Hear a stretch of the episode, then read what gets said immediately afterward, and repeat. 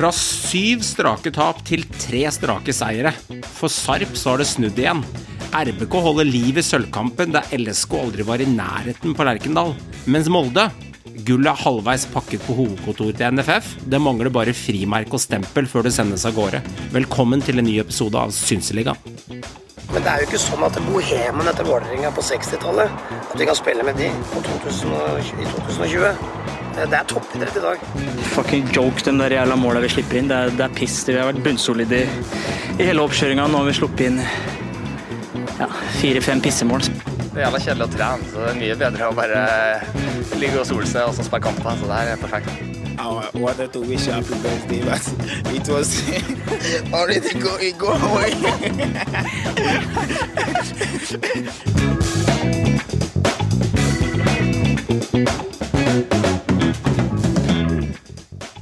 Er deilig, karer. Alle er samla, og vi spiller inn nok en fantastisk eh, hyggelig kveld sammen. Vi skal spille inn en ny episode og kose oss. Merando, uka som har vært, hvordan eh, Hva har du gjort? Er nysgjerrig. Nei eh, Jeg har vært under kniven og operert litt. Knivfest. Men eh, ikke noe farlig. Bare i munnen. Og blitt sterkere i tannkjøtt og tatt en rospilling også. Så bare snadder. Og så har jeg vært på hyttetur, kosa meg. Eh, helgene er fine. Sola skinner, stadig kvinner. Alt er bra. Livet er fint. Livet er fint. Hmm. Oppe en liten operasjon i munnen, ja. Det er litt sånn eh, Jeg tror liksom Det må til. tenner og munn og underliv og sånn. Folk har litt hetta for det der, altså. altså ja, ikke sant? Når du skal pirke borti. jeg skal innrømme, jeg hadde veldig hetta. Ja. Men eh, jeg må gi skryt av eh, tannlegen min. Han var relativt ung, da, men, men veldig høy. Veldig, veldig høy. Unødvendig høy. Hvem er det du har? da? Er det Framnes? Er det Framnes du har? Nei, dette var, dette var en spesialist. Så han het, eh, han het Ganer. Anders Ganer. Ah, ja. Men veldig dyktig. Veldig dyktig. Jeg har aldri følt meg så trygg som en pasient før, så det, det skal han faktisk ha. Ja. Eh, Jeg følte meg veldig trygg som pasient, og, og operasjonen gikk veldig fint. Ja. Så det Null ubehag. Så han anbefales. Får litt sånn déjà vu, Joakim. Får litt sånn, ikke sant? Får litt sånn déjà vu, Joakim, at, um, at uh, alle kjenner alltid en eller annen som har en god tannlege. Sånn som mora mi også er sånn Ja, ja, men da går du til han, for han har jeg hatt én god erfaring med i 1979, så han er skitflink. Tannlege er litt sånn der, Da vet alle om én fyr som er flink, men ingen anbefaler om lokale matbutikken eller bakeren på hjørnet. Det er ingen som bryr seg om. Men tannlegen, der kjenner vi alltid en eller annen gærning borti en krok. Jeg tror dette er før min tid, Johan. Så Ja, okay. nei, det kjenner jeg meg ikke igjen i. Um, men jeg kan virkelig sette Jeg setter alltid veldig pris på mennesker som har et yrke som um, har et navn og et yrke som passer sammen, og en tannlege som har etternavn Ganer. Ja, Det kan jeg sette veldig stort det er lekent. det, det, det, er- det er flott. Det er lekent. Det er veldig flott. Og Håvard, du har dratt på deg litt av eh, en profesjonell forkjølelse? Det er en uh, profesjonell forkjølelse, ja. Liten, lite snev av covid der, tror jeg. Men men det snakker vi jo ikke så mye om eh, disse dager. Så Nei. det er jo på en måte long gone og glemt. Men uh, ja, et par dager borte fra jobb nå, litt sånn eh, rusk i hele systemet. Så satser på at man er eh, oppe, oppe og nikker på 70% snart. Kjenner du på skam i 2022, eller er det, er det, er det sånn 2020-ting? Føler, føler lite skam. Føler lite skam. Ja, det var en periode var det litt sånn covid-skam. Litt sånn der, ja, nei, jeg har fått, ja, jeg har ja, fått, ja, ja. jeg har fått covid, gutta. Det er liksom Ikke tenk på det, det går bra. Det var litt sånn. Nei, ja, Vi kan eh, ønske de gode, gamle kjønnssykdommene tilbake nå, som, som, som skam igjen. Så kan covid eh, legge seg bak til køen igjen. Ja, det er trekke frem de gode, gamle. Ikke sant? Morsomt at du sier det, for det, for, at- det har litt med kultur å gjøre òg. Som jeg har snakket om før, at, det, Altså, at det, altså- gjentatte handlinger over tid sammen med andre hvis du assosierer det til kjønnssykdommer som du snakker om, Meran. Gjentatte handlinger over tid sammen med andre skaper kultur. Og sånn er det jo med kjønnssykdommer nå. De kommer tilbake når coviden går ut igjen, ikke sant? Skal ikke tulle med kultur. Ja, det holder ja. sterkt. Det holder sterkt. Ja, Altså. Covid er vel som en influensa det er nå, knapt det. Eh, Spørs jo helt hvor hardt det sitter, selvfølgelig, men det er jo på det nivået. Ikke sant? Ja, karer. Eh, jeg starter Molde-Ålesund, jeg. Starter hovedkampen. Og eh, jeg starter i enden av matchen. Mm. Og han er jo en legende, litt sånn elskverdig, elsk- og hate-type, men eh, det er noe fantastisk eh, sosialklientaktig ved å høre Vegard Hansens oppsummering av det som skjedde i matchen. mellom Ålesund og, og Molde. Eller Molde-Ålesund. Det er sånn Ja, hadde han en sjanse? Den fikk han ikke tak i. Den ballen gikk ut. Men han kunne ha klart sjansen, men det ble ikke noe. Ok, da går motstanderlaget i angrep allikevel. Og så plutselig, når målet kommer på bakre stolpe, så er det sånn en Fantastisk! Altså sånn Nei, helt Altså, legende. Jeg, jeg kan si én ting. Jeg hadde levert bedre, og det er jeg ganske sikker på, på å kommentere denne høydepunkten etterpå, enn det han gjorde. Det der hadde han ikke takt og tone til. Men det, det, er veldig tydelig at Vegard Hansen ikke har jobba mye eh, på den eh, sida av eh, Hva skal jeg si? Eh, han har stått på linja han, og skriket og blitt intervjua, vært høyt oppe og langt nede og ditten og datten. Men å kommentere altså, hørte dere, altså, jeg, hørte, jeg så hele kampen da jeg, jeg kommenterer som, som såkalt ekspertkommentator. og Det var underholdning i seg sjøl. Det var god underholdning. Flere ganger så begynner han å prate om helt andre ting enn kampen. og du merker at han Kenneth Fredheim han var rett og slett brydd. Han er brydd. Han prøver å få han inn på sporet igjen. Han blir litt satt ut, vet du. Det er jævlig lættis. Den, den, kampen må dere nesten høre på nytt. Altså, med bare Vegard Hansen sine kommentarer, kommentarer der. Altså, det, er, det er lættis. Og jeg er helt enig i sammendraget hans. Han ligger liksom ekstra trykk på slutten. Å, så er det stor sjanse! Og så liksom nesten på det nivået. Så nei, det er, det er herlig. Herlig, herlig, herlig. Og, det og det er liksom, han kommer liksom unna med det, for det er Vegard Hansen. Ja, ja, ja. ja, ja. Ja men, altså, ja, men det er nettopp det du sier. Han er Vegard Hansen. fordi Poenget er at uh, måten han snakker nå jeg, jeg, er helt sikker på at måten han snakker der, det er akkurat sånn han snakka med spillerne sine når han var ute på matta ute i Mjøndalen og, og jobba der. Det er akkurat sånn. Du har hørt den på intervjuer etter kamp. Han, han, altså, han gjør ingenting for på en måte å fremheve at ok, han, han gidder liksom ikke å bli, ta, ta annen takt og tone så innpå og liksom prøve å bli skolert på det her. Nei, han bare prater sånn som Vegard Hansen prater. For det er sånn Vegard Hansen prater. Så da blir det sånn. Han, han, sitter og prater som at han sitter hjemme i stua med en ja, og ser fotball. Ja. Det er det han gjør. Ja, ja. Når, man kommenterer, når man kommenterer det altså for hele Norge som sitter og ser på kampen, det syns jeg er litt sjarm med faktisk, nesten. Altså. Ja, ja. Ja, ja. Og, og Selv om det er også ganske amatørmessig. Veldig amatørmessig. Det er litt sånn uh, på gutterommet når det var ti år, når gutta, skulle leike, når gutta, gutta skulle leke radio, og så spilte vi inn, har fått lånt, lånt liksom kassespilleren av faren din. Da hadde du trykt inn de to knappene likt ned, og så ble det opptak, og så sa den andre kompisen Hysj, nå kan du prate, Kjell. Der starter vi. Det er akkurat sånn stemning, eh, og så trykker du ned, og så er det en eller annen som skal liksom være kommentator, og så er det en som er elendig på det, en som er halvveis på det. Ja. Men han sier i en sjanse, vet du, at det, ja, nei, han burde gjort bedre der, men, eh, men det, det, var litt dårlig. Men sånn ble det ikke. Men det kommer en ny sjanse nå! Det er litt sånn Nei, hva faen? Nei, men det, det, han, han, er så svær. Jeg tror faktisk han har fått uh, lov til å være nettopp seg sjøl. Uh, det er litt av greia, tror jeg, at han har sagt ja til det her. òg. at han, han må være seg sjøl, og, og folket han er både elsket og hatet, men det er mange som syns at Vegard Hansen er en jovial figur og en litt herlig karakter. Så jeg tror det er nettopp det at det har vært en grei signering synes jeg, hos Discovery. Ja. Som, eh, med tanke på at alle har forsvunnet fra båten, så har de fått noen inn fra sida som har levert OK. Men Håvard, jeg kan ikke lære meg nytt nå, jeg, vet du. Nei, ikke sant? Altså, jeg er for gammel. ja, jeg er for gammel til det. Men, Men, men, er, ikke sant? han er litt populær blant damene også, Vegard Hansen. Ja, ikke sant? Ja, han er, de liker litt sånne joviale, fine fyrer, så, så kunne vel dette her. Men over til Molde, da. Um, ja. ja. Nå står Ålesund med én seier på de siste ti, og Molde har ti strake i Eliteserien. Eh, det måtte jo nesten ende med en 3-0-seier. Vi hadde liksom trua på det, for oss som ønsket kanskje et eh, Molde-nederlag her, så hadde vi liksom trua på at kanskje det kunne bli litt spennende pga. et lokaloppgjør som ofte har en sånn ja, hva skal jeg si for noe, et spøkelse over seg, sånne lokaloppgjør. En nerve. En nerve, mm. men eh, det var ikke mye nerve her, gutta. Nei, altså jeg sier som jeg sa sist. Molde de, uh, jeg, eh, jeg mener oppriktig, i runde 25 så har Molde vunnet seriegull. Det tror jeg. Ja. Da tror jeg de Jeg tror Jeg ville nesten til å si ja, jeg tror at det ikke engang er en teoretisk mulighet for de to lagene bak. Uh, jeg, jeg, er villig til å tro det. At jeg går for det. 26 så er det bankers, men i runde 25 mm. så tror jeg Molde har vunnet seriegull og kan konsentrere seg om uh, Conference League resten av uh, sesongen, for den saks skyld. Mm, mm, mm. De fikk seg jo en nesestyver i, i nettopp Conference League med det bortetapet mot uh, Djurgården, og det var jo på mange måter ble de røva for i hvert fall mm. poenget.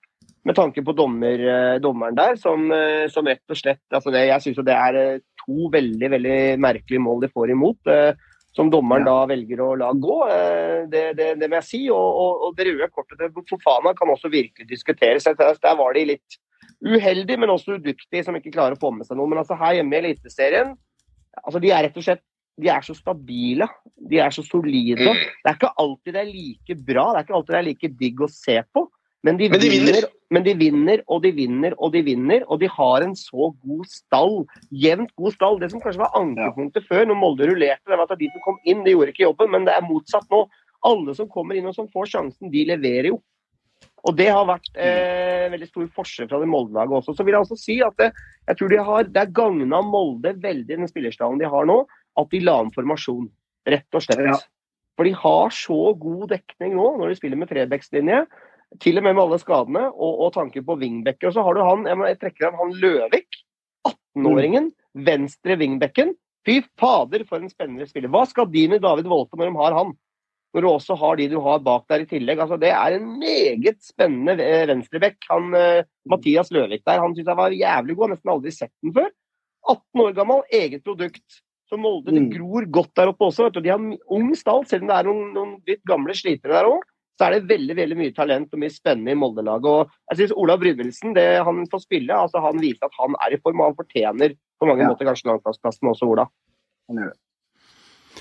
Ja, det er, ikke sant? Og du nevnte jo det siste også, at det er nesten litt sånn at det, man gir dem for lite skryt. Ja. Altså, det blir litt Dønn solid. Ja, det er dønn solid, og um, man snakka mye om at Knutsen er spennende trener, og Rekdal får til noe i RBK, og noen har vært imot som meg i en periode, og så begynner jeg å snu, og så er andre som fortsatt er imot, og de snur litt, og så er vi litt tilbake, og så er vi litt fram, og så vet vi at det kan gå bra, og så ikke bra, hei og hå, men i, i oppimellom der så er jo en, er trener som faen ikke taper kamper. Og de, de taper nesten ingenting. Altså, det- altså, når du endelig skal møte på bortebane og tukte Glimt, da, som er et veldig, veldig vanskelig eh, bortelag å møte, og har vunnet eh, 52 kamper før de har fått to, to tap, og begge de tapene er mot Molde i tillegg.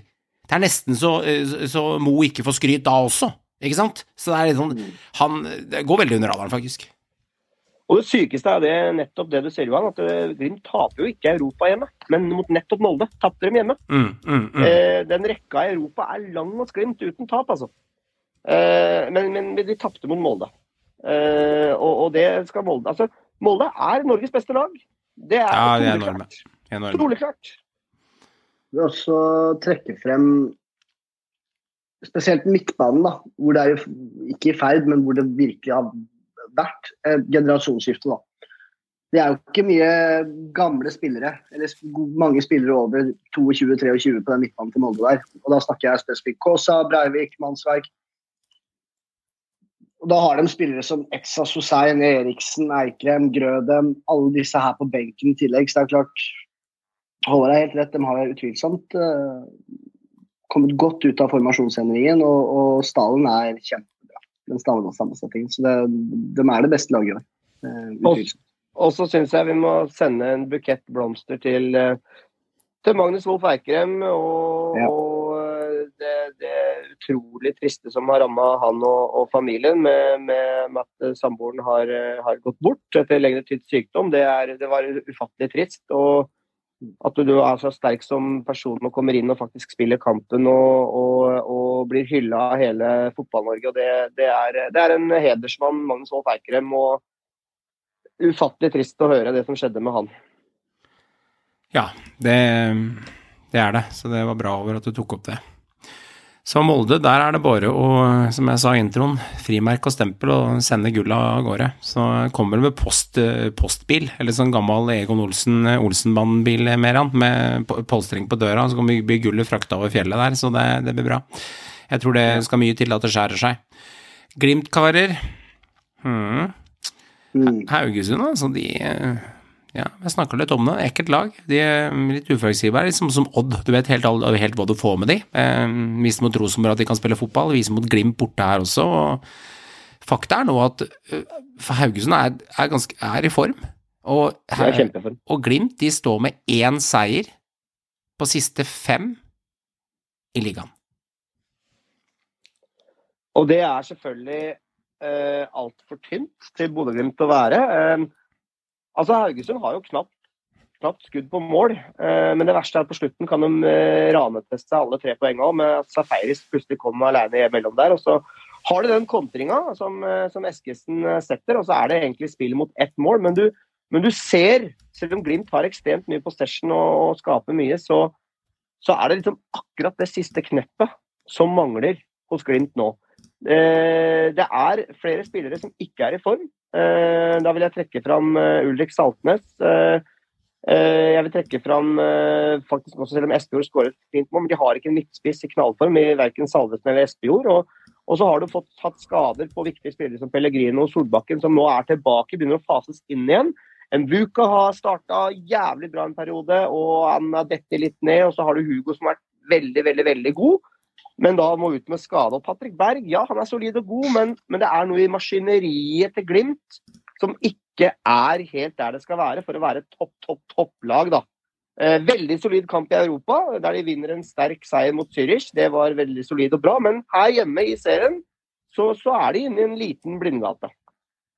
Jeg, jeg ser dette veldig klart og tydelig. Mulig jeg er konspirasjonsteoretiker i altfor høy grad, men jeg ser klart og tydelig at det her handler om tenningsnivå. Det her handler om at de klarer ikke å omstille tilbake til Eliteserien etter å ha vært og uh, spist kanapeer i Europa. Så er det vanskelig å komme tilbake og spille mot lag som Haugesund. Det ser jeg så klart og tydelig, og dette her går på det mentale. Og det her med Kjetil Knutsen med en årslønn på 7 millioner finne ut av veldig fort. Fordi Glimt den rekka de har på fem siste kampene, det er ikke bra. Altså. De har jo pissa det bort i år. De har seg sjøl å takke. Altså, jeg er ikke helt enig, for vi har jo sett den samme tendensen egentlig i hele år, syns jeg. da. Eh, glimt har hatt et par sånne blaff av liksom Glimt, altså litt sånn ordentlig Glimt. Mm. har et par enkeltkamper i ny og ne. Men eh, jeg syns ikke Glimt i år har vært noe sånn noe bedre enn at de i hvert fall ikke skal ligge der de ligger. Men no, de har ikke vært noe bedre enn de andre lagene rundt seg på tabellen, egentlig overall. Så jeg tror ikke det handler nødvendigvis om Europa i seg selv, men jeg er helt enig med deg Meran, i én ting, og det er at det er helt åpenbart at den Europaligaen nå, den, den tåler dem ikke. Fordi Glimt de siste kampene i Eliteserien, som du er inne på, da, eh, det har vært, om jeg vil ikke si årsverste, men det har vært til dels til dels dårlig fotballspill, vil jeg tørre å påstå. Eh, og det er litt sånn som inne på først òg det er liksom både, jo, men det er liksom, altså Problemet er Håvard er inne på det, at det, liksom, det siste vil seg ikke. Men det gjelder både foran og bak. altså Det gjelder i hele laget. altså liksom Det eneste stedet som til dels du føler funker, er liksom midt på banen. Men når du kommer på enden av banen, så evner de ikke å skape like mye sjanser for. De evner ikke å skåre. Og så slipper de inn mål som de ikke hadde sluppet inn tidligere. Da. og det, Selvfølgelig spillerutskiftninger og alt, men altså, de er hverdagen til Glimt nå. De er ikke et bedre lag enn der hvor de ligger nå. De har ikke vært det i år. og Vi kan vel si at det egentlig er litt forventa òg. Det er jo greit, liksom. Vi har bare blitt veldig godt vant, da. Ja. Jeg tror, det, jeg tror det, jeg er enig i mye av det du sier der, Joakim. og Vi har blitt veldig godt vant, og Glimt har vært fantastisk over en lang periode. Og at du får en dupp eh, i løpet De fikk det også, også, etter Europa, når de røyket mot Roma. De, de starta jo veldig bra i, i, helt i starten av året.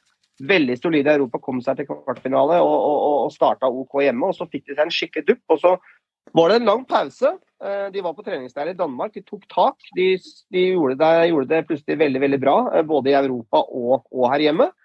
Og så er det nå en, en ny sånn liten blindgate, en dupp. da, Og det er faktisk da etter etter at de har henta mange av de dyre signeringene sine. Og, og, og, og jeg syns heller ikke at, at, eh, at, de har klart å løse den spissrollen eh, som de har klart ved tidligere år med Junker og Botheim. De sliter litt der.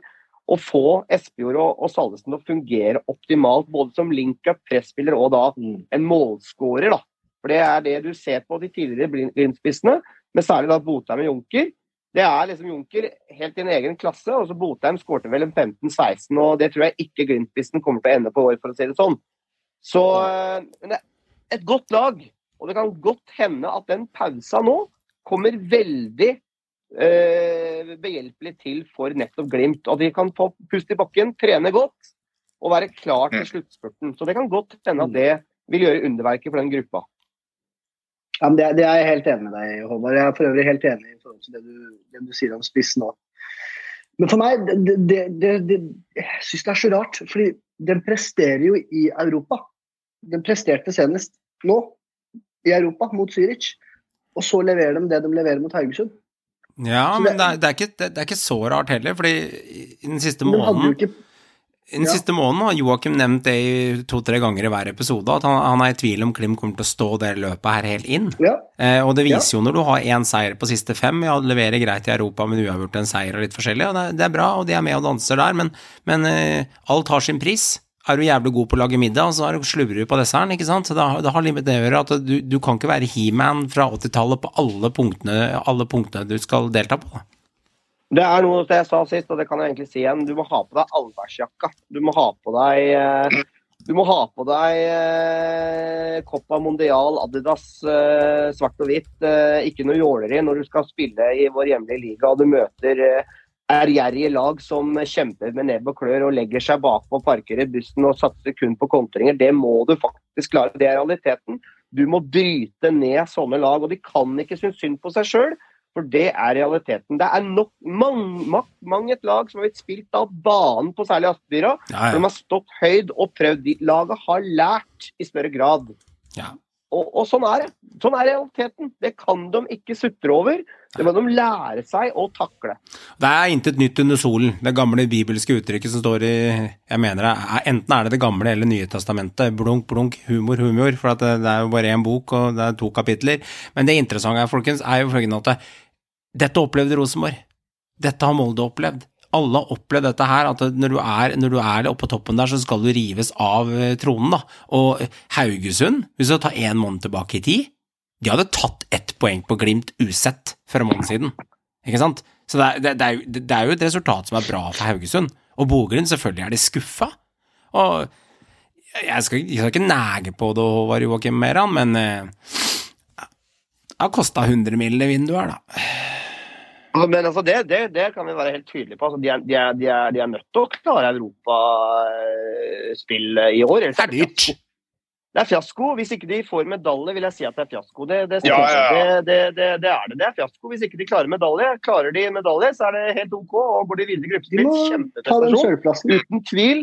Kjempeprestasjon, men de, men de bør ta eh, minimum bronse, og egentlig kanskje aller helst sølv. Vi For kommer til det, ikke. vi kommer til det sølvet, og det er ikke sikkert Glimt Ja. tar det sølvet. Nei, nei, nei. Det ikke. det er ikke sikkert. Men jeg tror det gjør godt for den gruppa med en pause nå, og så Ja. får vi se si på innspurten nå. Diskuterte Forrige uke så diskuterte vi at Kamma begynner å få de tapene som eh, de alltid berga tidligere på sesongen når de spilte 1-1 og 2-2. Eh, Men nå har det kommet noen resultater i siste perioden nå for HamKam som gjør at vi begynner å se at det sprekker litt i demningen deres. da. Eh, Nå har det vært litt for mye sånne resultater som ehm, ikke sant? Nå fikk de et Odd-tap nå. og det er et ekkelt lag å møte, du veit jo aldri. Men de taper sjelden stort. Men forrige gang også, ikke sant, så, så, så tapte de mot Viking hjemme 1-2. Og så hadde de en 2-1-seier borte mot Sarp for tre runder siden. Dette er kamper som på vårparten, gutter, ville endt 1-1. Eller kanskje 1-0 til Kamma. Nå taper de til 1-2, nå taper de 2-1, og nå taper de 2-0 borte med en Jevtovic som var i form og noen straffer og noe styr. Men det er tre strake tap, og nå, nå er det ikke så sjarmerende lenger med han dansken som lirer av seg 1-1 holder til jul. Nei, altså det er jo den Altså, de får jo den derre nyopprykksboosten i begynnelsen, kan det virke som da veldig tydelig at han kan fikk den i begynnelsen av eh, sesongen. Hvor det var nyopprykka, det var full fres og skjør. De hadde Eriksen, selvfølgelig. Det er, vi skal ikke ta bort, det var et tap. Eh, Og det er jo helt åpenbart at det tapet eh, merkes. Eh, men nei, altså de er jo blant de dårligste lagene i Eliteserien eh, om dagen. Og, dem- og det var de ikke i det første halvdel av eh, sesongen. Så enkelt er det bare at det er et helt annet lag nå. Og det var liksom, så jeg Du snakka med ganske lang med alle disse uavgjortene. og sånt, det må gå en og andre veien. da, og Enten må du begynne å vinne dem, eller så må du begynne å tape dem. Og dessverre så virker det som at HamKam eh, holdt på å si har valgt, det har de ikke, da, men at eh, det går mot det at de faktisk de, de taper Jeg valgte å tape. og de taper jo kampene. ikke sant? Det er ikke sånn at, altså, ikke det, jeg sier ikke at Odd er et lag du nødvendigvis skal slå, men det er liksom, det har vært Sarpsborg. Det er et annet lag som har ligget der nede. Eh, Det var Viking, som det er litt opp og ned-lag, som liksom i hvert fall ikke er i form. Og det er Odd, da, som også, mer eller mindre Odd, Men nå har jo Odd vært gode da, den siste tida òg, så det er jo litt kjedelig å møte opp akkurat nå. Men eh, nei, det, ser, det begynner å se litt, litt stygt ut. Eh, Det er uten tvil et lag som vil slåss eh, for ikke å havne på i hvert fall Kallik og ja, kanskje også noe kanskje også direkte nedrykk, da, hvis vi skal gi, fortsette å gi de mørkeblå fra Vestlandet en liten sjanse her. Nei, altså Det som Det er jo litt det Joakim er inne på. Det er jo starten av sesongen hvor de rir på den bølgen med alle disse uavgjorta deres. For Hvis du ser på antall seire, så har ikke de noen flere seire enn Jerv og Kristiansund. Nei, nei. Nei, den Det er fin. det er Den er ironisk, fin. Ikke sant? Så de har jo kun fire seire, dem òg. Så, så HamKam burde begynne å stresse litt mer, fordi de kan ikke ri på den her uavgjortsbølgen. Den, er den har jo uansett Den har jo ryket, de går jo på tap nå. Men den derre seiers Fire seire, den bør de gjøre noe med asap hvis de skal holde seg. Hvis ikke så blir det kvalik eller nedrykk. For de er faktisk ikke mer enn syv poeng bak KBK. Og KBK, som har da større seiersprosent siste ti kampene enn hva HamKam har. Så mm, det burde begynne å brenne litt under føttene på kameratene. Jeg, jeg syns det er veldig tydelig at de fire laga som ligger nederst, det er de fire dårligste. Og det ser man også på tabellen. Den ljuger ikke heller. Eh, det er eh, Jerv som kommer til å ende på sisteplass. Eh, veldig, veldig sikker på det. Og så er det da Sannsynligvis tror jeg KBK som også går ned, for nå tapte de jo igjen, selv om de var høyt oppe. Eh, De kommer nok til å gi gi det helt til, men jeg tror, jeg tror det ikke holder. For det, Statistikkmessig så er det ingen som har klart seg med den eh, poengfangsten som de hadde, har hatt eh, med tanke på starten av sesongen osv. Men, men Mm. Sandefjord og HamKam er i elendig form. Eh, De, det er varsko der, det brenner et blått lys. Nå sier jeg det igjen, men det gjør det for begge de to lagene. Og det blir en kniving helt inn eh, mellom de to for å klare den kvaliken. Jeg tror ingen av de rykker direkte ned, men jeg tror eh, at eh, du er nødt til å begynne å vinne kamper. Og se på Sandefjord også, som skal inn, innom den senere. Den rekka er Mm. også lang nå, Mm. Uten seier. Den er det. Men det er mange ikke sant, som har lang rekke uten seier, og uh, du kan jo unne deg det ganske lenge, da.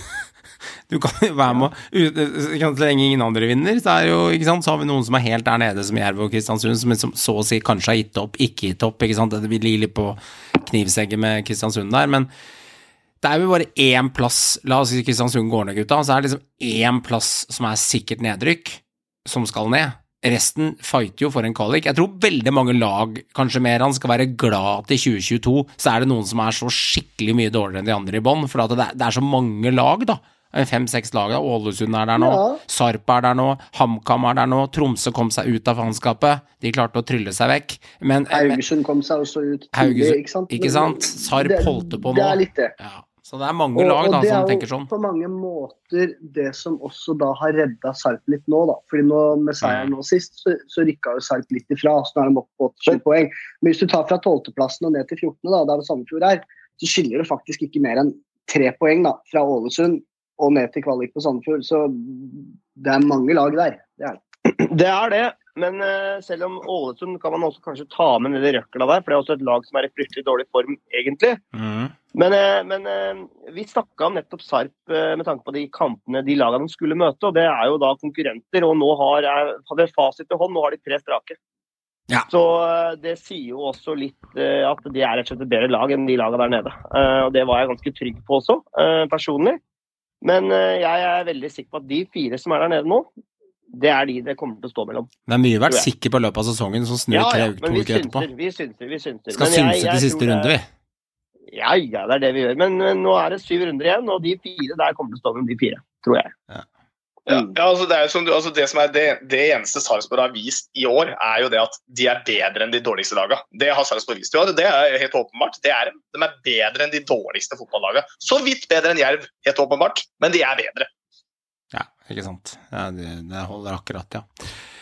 Tromsø kom seg ut av faenskapet, karer, og Viking står med én seier på de siste sju. Altså, det er sånn rart det der med Viking, for at det var så mye entusiasme etter det der cupgullet deres, og de hadde kjempeflyt med vetoen, og eh, ja, altså, Kjartan Salvesen sang jo nesten folk inn i god idolstil til stadion, og de hadde jo den entusiasmen. Morten Abel, og det var ikke måte på. Abel, og det var ikke måte på her hvor det vind i seila, Ollum fløyt mellom gatene i, i Stavanger. Eh, men, eh, og, men eh, nå virker det liksom som om entusiasmen liksom Ja, nei, det er ikke så farlig lenger. Det er ingen som bryr seg. Nå havner vi liksom litt over midten. Det, det, det virker Altså, dette er tegn, gutta, på én ting. Hvor lang tid det tar å bygge opp ting, av å vinne det cupgullet, av å skape den entusiasmen, av å få publikum tilbake, som de har jobbet, jobbet sikkert eh, eh, langsiktig og vært flinke med, men hvor fort Smakk, det blir borte. Nesten på måneder, hvis ikke du leverer. Det er jo også så enkelt at de har, det har vi sagt før, og det, det står jeg for, de har solgt seg vekk fra en topplassering og en, en kamp om medaljer. De har ikke vært i nærheten av å klare å erstatte de som dro, og da tenker jeg på Sebulonsen og Veton hovedsakelig. Ikke i nærheten av å klare å erstatte målpoenga og den betydninga Veton Berisha hadde for det vikinglaget, som alltid gikk foran, alltid jobba knallhardt og også leverte målpoeng. Og det, det er Viking er eh, en skygge av det laget som vi så i våres. Og det er jo der også murringa kommer fra fansen. da, fordi Fansen er overhodet ikke fornøyd med sportssjef Nevland der. Eh, I det hele tatt. Det har jo til og med Nevland hadde måttet offentlig gå ut i Eurosport og liksom forklare seg òg, da. Eh, til fansen. Det er, det er, det er både Nevland og trenerteam Ja. og, og klubben i helhet. Og jeg skjønner de er forbanna. Vi har sagt Ja, vi snakket om det før, og, og, jeg forstår det. De, de har falt som en stein. Men det er noe med, eh, eie, er noe med ned i Viking, eh, i forbindelse med dette med kjøp av spillere og hvordan strukturen i klubben er bygd opp, som er noe annerledes enn de andre klubbene, som jeg har fått en inntrykk av uten å ha satt meg dypt nok inn i saken. Men det er noe der som, eh, som også er litt usagt, tror jeg, rundt dette temaet. Eh, det det går på i størst, først og fremst, er at den evnen til å bruke penger og satse eh, når du har muligheten til å kjempe om en topplassering, den viljen har ikke vært der. Så Mm. enkelt er det. Selv om de har penger på bok, med gode, gode spillersalg gjennom flere år. Evnen og viljen til å gønne på å satse, den har de valgt å nedprioritere. Så enkelt er det jo. Det virker liksom sånn at Viking liksom er altså, liksom, Ikke fansen, da, men liksom klubben der er egentlig bare fornøyd med å få en sånn sesong i ny og ne, hvor ting går kjempebra. Og så etter det så var jeg ok, nå kan vi slappe av et par år. Nå kan vi ta sånn fire år, så gidder vi ikke gjøre noe særlig. Og så kan vi få en ny sesong hvor vi kan vinne en cup eller få en bronse eller gjøre noe spenstig. da. Eh, og er, men jeg syns, det er ganske påfallende. Jeg, da. Altså, jeg skjønner altså, selvfølgelig å miste en spiller som Veto Merisha, ja, jeg skjønner det at det er tungt. Men jeg syns det er veldig påfallende hvordan det laget nå ser ut kontra hvordan de så ut tidligere. Altså det derre krigerlaget, de derre drittsekklaget som alltid gjorde alt de kunne liksom, i hver eneste takling. De gjorde mer enn det de hadde lov til for å få lov til å få det poenget og vinne den kampen. Og nå er det liksom mer sånn der at det liksom bare, nå er det blitt sånn derre Å, vi klarte å lede 1-1 på overtid pga. Traoré. For det er jo det som skjer hver gang, er jo at Traoré skårer et mål på overtid. Og da får Viking et poeng. du begynner å lure på at, eh, hvorfor ikke han begynner å starte mer Han har skåret mye mål på overtid. altså. Han har skåret mye mål, ass! Han er faen meg nesten den eneste som skårer mål der. Ja. Eh, Kanskje kan jeg begynne å lure på at ikke han Han må skåre spissen- han må skåre fire de, mål på. eh, De savner Maitraøye. Han syns jeg faen meg skårer neste Ja. gang han kommer inn. Ja, jeg syns det. Ja. Nå er det ikke mange som skårer, da, tror jeg. jeg, jeg, jeg eh, synes det, det er sånn vått krutt over hele Ja. Viking. Det det. Altså, der de var liksom oppe og breska seg og snakka om gull og løkvær ute i media og Veton, Tripic og drittsekklaget og som alltid er ekle og jævlig å møte og jobber og kriger. Det er ikke så mange som melder der nå, av god grunn. Ja, altså, Eh. altså, altså Jeg skal være litt slem mot dem der. Lite grann. Fordi de var veldig opptatt av å snakke om at vi har skapt en kultur for dette, Meran. Dette har vi skapt en kultur i klubben vår, jobbe med dette over tid og få fram det beste i oss og skapt det på å få ut potensialet. Jeg har jobba med ledelse og salg, og blant annet med deg og Meran tidligere. Altså, vi vet hvor lang tid det tar å bygge en kultur. Hvor lang tid det tar å bygge sånne ting i en gruppe, om du jobber på et bakeri, eller du jobber på Elkjøp, eller du jobber i en fotballklubb. Uansett hvor du jobber med ledelse, hvor du er, eller i kommunen, da, eller ikke sant, eller snusselskapet, General, Snus, Swedish Match, det er samme hvor du jobber hen, så er det da at de ansatte må føle at de er en del av en reise og en historie, og at du gjør eh, gjentatte handlinger sammen over tid, som er eh, eh, definisjonen av kultur. Men når spillerne da En liten triade på den. Når spillerne da går ut og melder dette her både i fjor og i år, at vi har skapt en kultur i klubben og hei og hå, altså, vet de egentlig hva de snakker om? Jeg synes det virker veldig merkelig, fordi at det er fort gjort å kaste at du er en kultur, for du er midt i en medvind med den. Men når plutselig seilet ikke begynner å gå lenger, og vinden er borte, det er da du skal vise hva kulturen står for. Og det er akkurat det som skjer nå. Nå er eh, nordlandsvinden borte, og nå er det ikke seil i vinden ned i Viking lenger. Og det er da du skal ha den kulturen liggende i veggene dine. Og den er helt totalt fraværende, som Håvard sier, at de snakker jo ikke om det lenger. Så det virker jo ikke som spillerne egentlig har skjønt at det, det var kanskje aldri noe kultur. Det var kanskje bare at de hadde kjeft, bakbein og vilje i en periode. Men kultur, Nei, men det var det ikke. Jeg mener det er, eh, er rett og slett eh, Det går på mangel på kvalitet. Ja, men det går Og- også, det går også på at de har ikke, det er ikke forankret nok i gruppa, det de ønsker å Nei, formidle. men de det kicka jo ut Bjarne Berntsen, da, som, opp, som bygde opp denne Ja, kulturen. men Han kicka det jo ut. Bjarte- Lunde Årstad og Morten Jensen har, har gjort det bra etter at de tok over. Ja. Eh, Det, det syns jeg uten tvil, og, og, og, og sånn. Og, og klubben helt fram til nå Helt fram til nå har Viking gjort det jævlig bra. Og når det gjaldt som mest, når de kunne ta det neste steget, da reiv de lista. Ja. Og så har de blitt feige, mener jeg. Men det som du kan tenke litt på, da, som er litt inne på både mer enn du sier det er som sånn, Berntsen bygde den kulturen opp, og så har det gått greit når øh, Nå husker jeg ikke navnet, jeg husker aldri navnet på de. Det er Lund, og Lunde Åsheim og hva Ja, heter andre? Lunde Årsheim og Morten Jensen. Årsheim. Ja, når de kom inn De to trenerne, sier vi. Hvem er det som plutselig, når det begynte å gå dritt, hvem er det som forsvant ut? Så da kan du lure på det at ikke sant, Berntsen funka. De funka så lenge Berisha var der og hjalp til å dra kulturen videre. Så det er helt åpenbart. Det virker litt sånn. Kulturen forsvant med Berisha. Da forsvant den kulturen. Da var det ikke han kap, ka, mørke kapteinen som sto på topp der og dro alle med seg. Han som dro med hele laget. Når han forsvant, så var det ingen der til å ta over, og da forsvant alt etterpå. Ja, og, Så det en person ja, enig, og da kan det hende at ikke sant, eh, de, de trodde at kulturen var forankra i klubben Mm. og i spillergruppa og i ledelsen og i hele liksom kvaen rundt hele laget, men så viste det seg egentlig at det, når den bagen ble pakka med de to, så gikk også zip-låsen igjen, og kulturen ble borte, og det, ble, det befasa ut da. Og du ser det på Slatko Tripic òg. Han er heller ikke høy og mørk lenger. Han Nei. ser ut som en ordinær spiller som resten av det laget. Når Slatko Eh, Tripic slutter å få eh, gule kort vet du, Håvard, for, for å slenge Ja. med leppa og slenge med leggen og være drittsekk, da skjønner du at eh, litt av spiriten er borte. Spiriten er borte, og den voldsomme go-en som var der i Stavanger, den er, den er død og begravet. Og nå er det bare en ingenmannsland på Viking. Ingenmannsland på Viking. Ja, ja, ja. Ok, karer. Ok. Vi har litt grann fantasy eh, å gå gjennom her. Åssen gikk det en uke her, da? Skal vi se. Merando, Merando, er du happy go lucky? Vet du hva? Jeg er på vei inn i appen nå for å sjekke. Å ja, ah, ja. Det er dårlig. Det er alltid poeng. dårlig tegn når du er på vei inn eh, noen dager etterpå for å sjekke hvor mye poeng du fikk. Da Ja, jeg ser jo nå da at det er jo egentlig bare tre spillere jeg har som presterer. Det er Tengstedt, det er Sæter og det er Jevtovic. ja. Hvor mye poeng får du da? Eh, Resten brenn. Eh, 53 poeng. 53 poeng, ja. Det, Ja. Det er jo Det er ja. ikke så bra. Nei, det er ikke all det er, det er ikke all verden. Altså Nei. Men du har noen, da. Det er tre av elleve. Ja da. Ja. Ja, ja, ja. ja. Joakim hadde en skjult plan om å prøve å komme litt bakfra her, og det ser kanskje ut som han lykkes.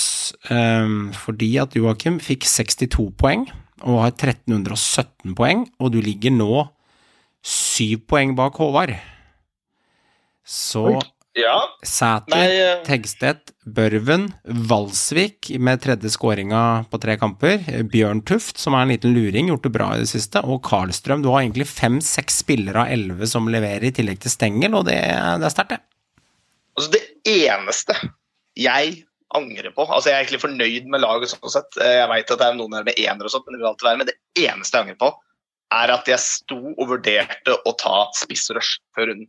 Mm. For jeg bare så det som en mulig runde hvor her kan det bli en del poeng. Ja. Det valgte jeg da ikke å gjøre, fordi jeg er sånn tullefyr som skal spare det til det er sånn tre runder igjen, og så bruker jeg på sånn møkkarunde, og så får jeg seks poeng. Så det, det, er, det er det eneste som men, Og så har jeg valgt feil kaptein igjen, da, for nå var det Sæter og ikke går. Men bortsett fra det, så er jeg veldig fornøyd. Altså, det, det, det, altså, det går gått greit. Jeg syns de siste rundene har gått bra. Jeg har klatra oppover. Nå, jeg skal forbi den derre det er sånn den Side én har jeg skjønt at nå begynner det å bli for kort tid for å komme dit, men jeg skal inn på side to. Det er målsettinga. Jeg skal inn blant topp 100. Det er liksom målsettinga mi. jeg skal komme meg inn der. Mm. Og der begynner jeg å nærme meg. Så det ser bra ut. Og Meran, hvem hadde du som kaptein, Meran? For dette er litt morsomt. Jeg hadde Tengstedt. Ja. Jeg burde valgt Sæter. Hva du ville valgt, det, det, det forstår vi. Og Joakim, hva Ja, hadde du som kaptein? Nei, Jeg hadde jo Tengstedt, da. Og Håvard, hvem hadde du som kaptein? Fofana. Hm? Fofana. Fofana.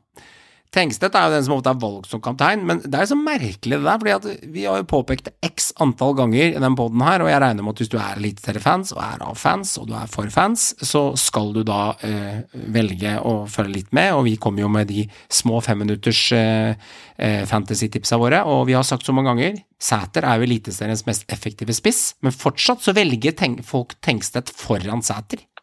Det er, det, er litt, det, er litt, det er litt merkelig, selv om vi veit at den andre er mest effektiv. har en forklaring. gi meg forklaringa før Håvard får ordet på laget sitt. Ja, for jeg sto der og tenkte, vet du hva. Jeg vurderer Sæter som kaptein, som jeg sa nei, han har gjort det så bra den siste tida nå. Mm. Nå er det Tengstedt sin tur. Mm. Nå er det Tengstedt. Så, så jeg lot Tengstedt stå, Mm. og gjorde feil. Ja. Jeg skjønner det. Men Tengstedt har også gjort det bra, da. Han skårer jo ett og to hele tida nå. Ja. Ja, han får jo bra med poeng, men det er klart han har fått litt mer med han eh, Sæter som kaptein. Og Håvard, du stopper på 46, så det vil si at Joakim lukter deg litt i, i, i snuta, han òg? Ja, litt uh, irriterende runde nok en gang. Litt sånn uh, famle litt i mørket uh, nå, eh, med tanke på både poengplukkere, men også det evige kapteinsvalget, som irriterer meg grenseløst. Jeg eh, var ganske sikker på at en del eh, ikke ville velge Fofana som kaptein, men eh, siden han har vært ute med sykdom og ble utvist i Europa osv. Men eh, jeg tenkte at hjemme mot Ålesund, der løsner det. Men det gjorde det altså ikke. Så øh, jeg, jeg, jeg vurderte Sæter helt Jeg vurderte faktisk Sæter foran Tengstedt. Så hvis jeg hadde valgt en annen kaptein, så hadde jeg valgt Sæter, men det gjorde jeg da ikke. Og det, det, da blir det lite poeng. Så, så er det litt her og der, men det er jo generelt skuffende, dessverre. For Kåsa, i Kåsa. Han er fin. Ja da. Ja da, ja da. Jeg var sikker på han skulle starte, og han er en type som ofte faktisk leverer både assist og mål. Så, Ja, er ganske sterkt, faktisk. Han, så, men eh, så er det jo dessverre en del spillere som uh, er på det laget med som jeg måte må få ut nå. Mm. Blant annet uh, de to gutta fra LSK bak der, som jeg er egentlig keen på fase Ja. ut uh, ganske snapt. Og så dessverre så blir jo Hugo, formspilleren Hugo, han blir skada. Det irriterer meg. Han tror jeg fort kunne skåret, og i hvert fall vært med på å få en seier for Glimt. Men det, han måtte ut med skade. Og så er det jo Saltnes som binder opp mye kroner. Han må jeg vurdere også ut. Så det er eh, Har et halvt lag, det du. Ja, det er mye som må ut nå. Så eh, jeg har litt en jobb å gjøre. Ja, og for faen han spiller 83 minutter, Molde vinner komfortabelt, får ikke et målpoeng. Eh, spiller fire minutter i forrige runde, da tok jeg en ut før runden, og da scorer han to, en rett før slutt og en på overtid. Han er er meget uforutsigbar jævel, han er, da. Ekstremt uforutsigbar type som du aldri veit hvor du har, egentlig. Så det er, det er litt sånn med å velge Molde- Molde-spillere generelt òg. Det er jo risikosport. Ja, det er litt risikosport. Eh, Det gjør, Håvard, at jeg har 40 poeng på deg.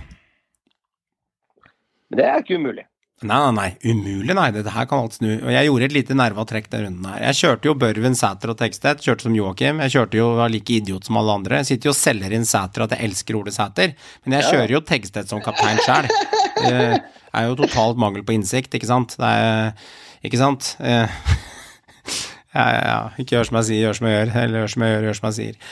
Er, men jeg gjorde et lite, lite um, krumspring for å prøve å skille meg litt ut, og jeg eh, turte å gå for Jevtovic, eh, og bytte han ut eh, på midten med Jevtovic. Så jeg fikk Jevtovic inn, og han skaffa meg jo to mål, så jeg fikk 16 poeng på Milan Jevtovic. Eh, så det, veldig, det var det som skilte meg og Håvard den runden her, og den var jeg veldig fornøyd med. Så um, ja.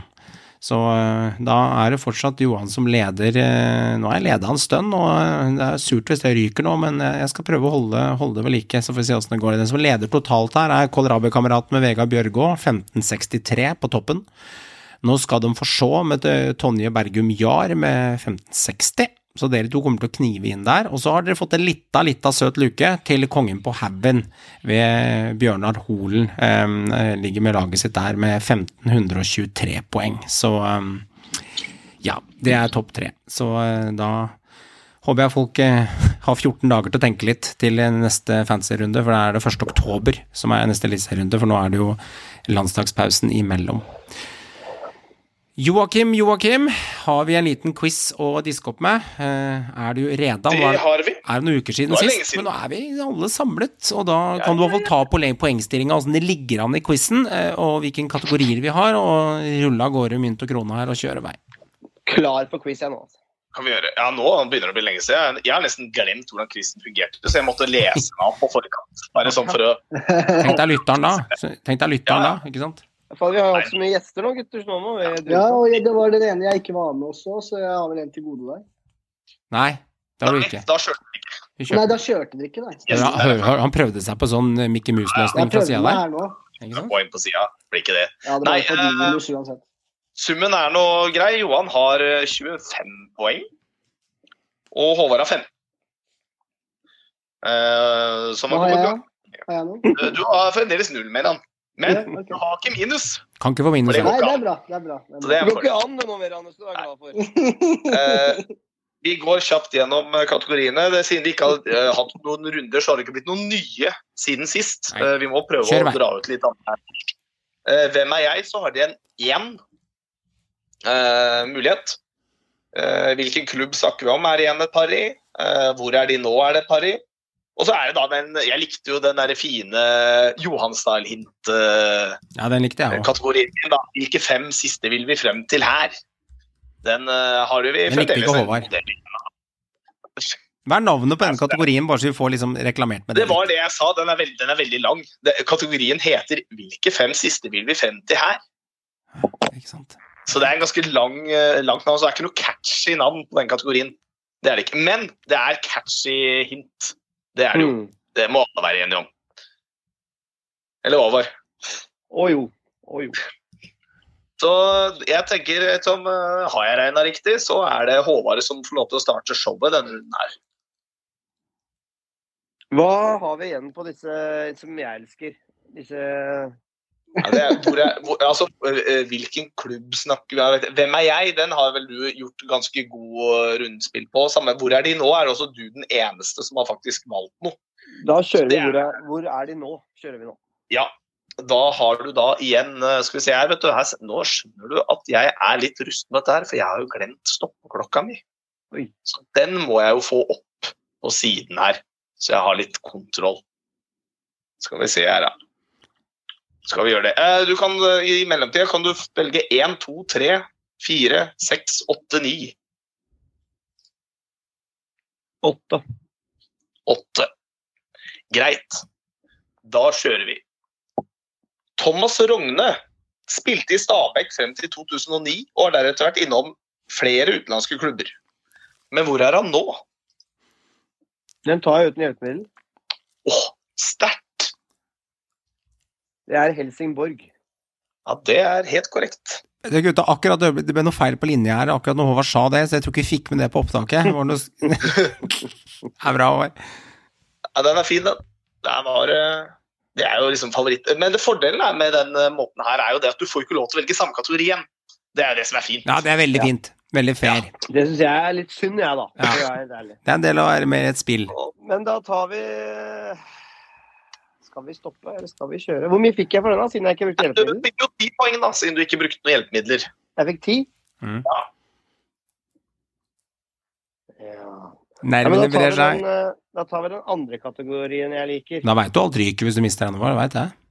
Jeg. Hvem er, hvem er jeg? Det er i hvert fall der du har vært mest aktiv. Ja, ja. vi tar den. Vi tar den. Ja, der har du jo da igjen to. Så det er ikke så veldig mye valg. da, da tar vi to. Ja, da tar du to. Greit. Er du klar? Ja. Jeg er ikke norsk, men spilte sju år i Eliteserien på 2000-tallet. Jeg var den eneste av Nixon-prisvinnerne i 2008 som ikke var fra Stabæk. Og jeg bruker ikke mitt kuleste etternavn. Boom. Den, kjære lytter. ja Den den er ikke lett. Eh, Den er ikke lett. Jeg vil ha hjelpemiddel. Du vil ha et hjelpemiddel? Eh, Jeg regner med du tar fire alternativer, siden, eller, eller vil du ha første bokstav? Jeg vil ha fire I- alternativer. Du har fire alternativer. Det er 2008 som er året. 2008 er året da Stabæk gjorde storeslem eh, Ja. blant Nixon-prisvinnere. De fire alternativene er Pavel Lundak, så her skjønner du liksom poenget, da, hvilken posisjon personen spiller i. da. Ja. Tead Ramovic, Rayo Pirua og Eddie Gustavsson.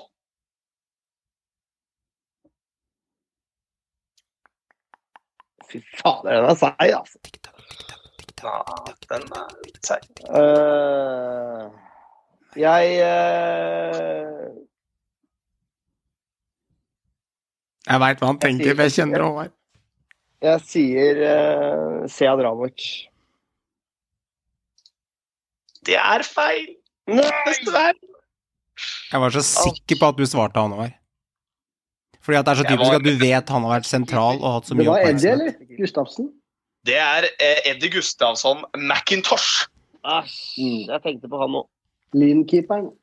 Yes, det er korrekt. Han ble jo, fikk eh, Kniksen-prisen det året for, eh, som keeper. Og jeg, bare før folk, Jon før, før Knutsen folk fortjente en. Jeg vil bare si det. Det var en skam. Ja, men de kunne ikke gi dem fem eller seks av seks, vet du. jeg vil bare Før folk klikker, da, så ja, jeg er klar over at Rayo Piro ja, han sto ikke i mål. Mm. Eh, Men det var bare det at jeg gikk egentlig tom for gode keeperalternativer det året. Så jeg Det liksom ble, det ble. Det må, det, sånne ting må du ikke si, for da, da skjønner vi litt åssen du tenker når du setter opp alternativene. Åh, Du, vet du hva, det det tror jeg du skjønner at det er, her er det mye rart. Sånn. Jeg får jo alltid feil. Men Håvard-. Hvordan er følelsen av å miste alle poengene? Nei, sånn er gamet, Ja. tenker jeg da. Jeg ser stort på Det jeg, Det er fint. det jeg tenker at uh, du er i hvert fall altså, du skal gi underholdning til lytteren. Hvis Ja, det blir ja. ett spørsmål hver gang. Jeg har bestemt meg for å ikke safe nå, heller gønne litt på. Så det, det er mer gøy. Ja, ja, ja, ja, Meran? ja, ja, ja. Jeg skal absolutt safe hvis jeg får muligheten til det. Jeg, bare med en gang. Safe og ligge i bunn, da, blir, da ryker rykker hun ned, da. jeg har jo ikke klart å skåre mål engang. Altså, ja, Det er din tur nå. ja, hva har vi, Så da? du får Nei, du har eh, Hvor er de nå? Der har vi fremdeles en god del igjen. Eh, hvilken klubb snakker vi om? Eh, og så er vi da tomme for hvem er jeg, så da er det Men- Den der det hvilken klubb vi snakker om, var ikke den ganske vanskelig? da? eh, Nei, en, en altså, Johan tror jeg klarte vel den ene der, tror jeg. Ja, han Ja, klarte han klarte vel Viking. at Da, da vil ikke jeg ta den, fordi Johan er en nerva fyr. og han resonnerer. Jeg tar den der, Hvor er de nå? Jeg? Hvor er de nå? Greit. Ja. Eh, vil du ha én, to, tre, fire, seks eller ni? Gi meg den letteste du har i bunken. Ja, det, det er opp til deg. Ta en. Gi meg nummer én, da. Nummer én. Ja. Ah, jeg er stygt redd for at det kanskje er det vanskeligste jeg har i boken. Ja, ikke sant? Det er, det er jo det. Ja, ja, men da, da har du ikke noe å tape, da. Har du hørt om Sondre Skogen? For han gikk gravende i Rosenborg fra 2016 til 2019. Eh, han fikk aldri prøve seg på førstelaget der og dro til utlandet eh, sesongen etter. Men hvor er han nå? Det veit jeg. Det vet jeg. Det, vet ikke hvem han er. det. veit jeg Jeg òg. vet ikke hvem han er. Jeg vet ikke hvem han er. Vent, vent, vent. Sondre Skogen. Sondre Skogen. Sondre Skogen. Jeg leste noe om han. Han har havna i Obos, han har ikke han da? Ja, han er fremdeles ah, er i utlandet, sier jeg. Så jeg kan gi deg den. At han er i utlandet. Han er i utlandet. Ja. Jeg har ikke peiling, jeg. Jeg vet ikke hvem han er engang. Jeg skal være helt ærlig på det. Uh, Rosenborg Akademi er ikke jeg Nei. min sterkeste der, nei. Så hvis det er en klubb i utlandet, da. Sondre Skogen. Det høres jo kjent ut, det navnet. Det er jo det verste. Men jeg er helt blank. Vil du ha noen alternativer, så står det med 25 Ja, vet du, jeg har jo hjelpemidler, jeg. Hva Ja. har vi her, da? Jo, nei, det er jo fire alternativer. Jeg veit ikke om første bokstav i klubbnavnet hjelper deg veldig mye. Nei, gi meg de fire alternativene. Jeg glemte jeg hadde hjelpemidler. Greit. Ja, gi meg, gi meg de. får du den, Da får du den her. De fire Ja. alternativene er som følger. Excelsior, Ipswich, Aberdeen eller Feyenoord. kan jeg da. Uh, vet du hva, jeg sier Feyenoord. Bare sånn. Fordi Ja, det er var he litt he nederlandsk. helt korrekt, Meran! Der er det fem points rett inn. Meran, vet, vet, du hvor han, vet hvor han spiller hen, da? Han spiller på andrelaget til Feyenoord, faktisk. Nei, vet du hvor han spiller hen? Han spiller i Mjøndalen. Ja, for jeg mener han gikk til en eller annen Obos-lån. han er, han, han er på lån, men han er ikke eid der. Ah, ja, for det var et eller annet med navnet. Da var du veldig på. veldig Veldig bra, Meran. Uh, Vet du hva, Joakim? Her må jeg nok arrestere deg, tror jeg. Jeg er veldig sikker på, når jeg tenker meg etter, at han er signert på kontrakt i MIF rett før deadline day. Så her tror jeg du skal sjekke opp kildene dine. Da Jeg har de ikke oppdatert uh, Jeg og er på ganske Da syns jeg jeg skal få ti poeng. Men uh, det kan være en ting, da. Ja, det, er, hadde du, det er ikke sikkert du har sagt Mjøndalen, som er glad for de fem poengene. men jeg sa Obos-klubb, så jeg var, jeg var inne på Obos-klubb. Ja, men du hadde ikke klart det, Meran. Men, men for å si det sånn men men, eh, det er jo sinnssykt. Ja, men eh, Håvard, nå, det kan altså, For å si det helt ærlig eh, mye, Denne kategorien her ble jo laget ganske klaut opp til deadline day. Så jeg skal, jeg skal Men, ikke eh, ta meg at det kan ha skjedd. Men Meran, har du, vil du gå Jeg tar videre? kvitt. Jeg, jeg, jeg går videre. Du går- er. Så jeg, gir meg kategori Nei, vent, da. Nei, vent, da. Nei, nei, vent, da. Faen, jeg kan ikke ta samme kategori. Nei, da er det hvilken klubb snakker vi om, eller uh, hvilke fem siste vil vi frem til her? Med et Johan-style. Akkurat. Jeg likte. Eh, beklager, kjære lytter, men jeg velger å være kynisk, eh, så jeg gir meg. Takk. Fem poeng til deg, Jeg tar med meg de fem poengene mine, Det er- innafor. så går jeg inn til neste uke med selvtillit. Så det er fint. Johan? Ja, det er bare vi kjøre, da. Ja? Hva er det du har, da? Altså, dere spør om kategoriene hver Ja, det er sånn. Det er, det er sånn. Bare si, bare si det fort. Jeg gjør det ved å hjelpe lytterne nå, ikke sant? Du, du kan legge fra hvor er de nå, og hvilken klubb snakker vi om. Og så har du hvilke fem siste vil vi frem til her, fra nyeste til eldst. Hvilken klubb snakker vi om? Hvilken klubb snakker vi om? Vil du ha én, fire, seks, åtte eller ni? Fire. Fire, fire. Fire. Greit. Da er vi klare. Ja. Laget har aldri tatt noen medalje på øverste nivå. De har tatt minst poeng på hjemmebane hittil i år av alle, og ble opprettet gjennom en sammenslåing av to klubber. Mm. Det siste hintet var Ble opprettet gjennom en sammenslåing av to klubber.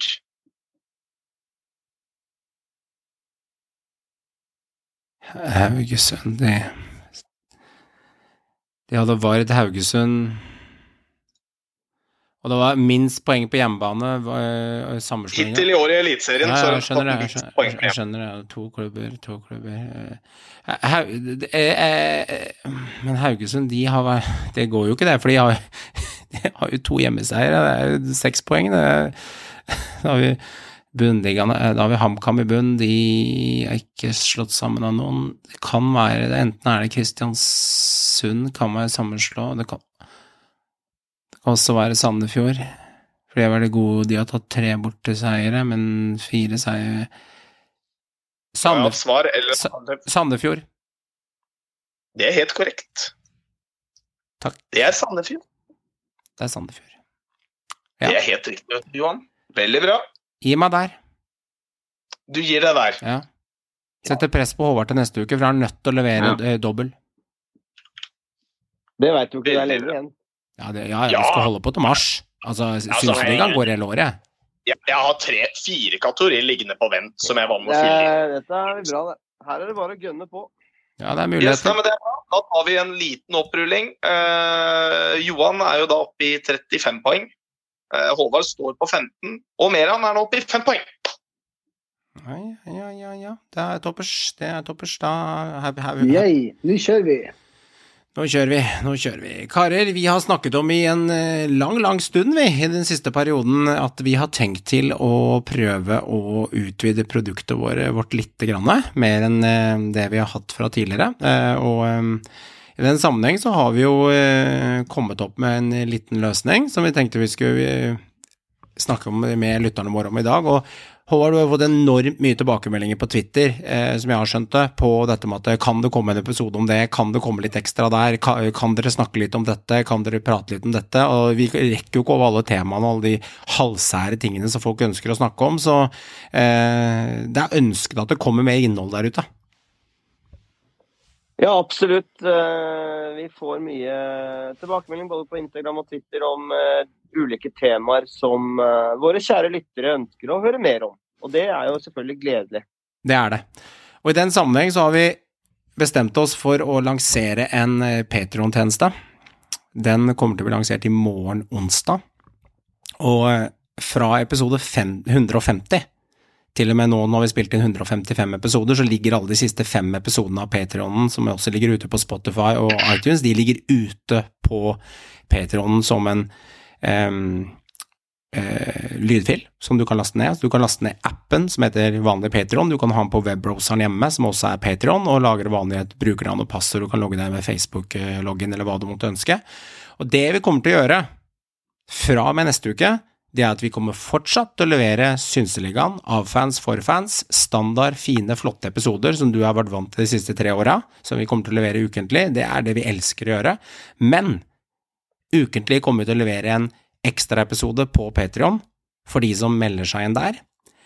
Og den episoden kan vare en halv time, den kan vare 45 minutter, den kan vare en times tid som handler om et angitt tema. Det kan være alt fra, være alt fra nedrykksstrid til intervjuer, til eh, Obo-spesialitet, til angrepsfotball, til, eh, til, rare teorier, til ting som foregår i toppklubbene, til spillere med godt potensial, til kåringer, til kanskje ekstra quiz. Det kan være alt mulig rart vi putter inn i Patron-episodene som vi liker å prate om, prate om og de tilbakemeldingene vi får av lytterne våre.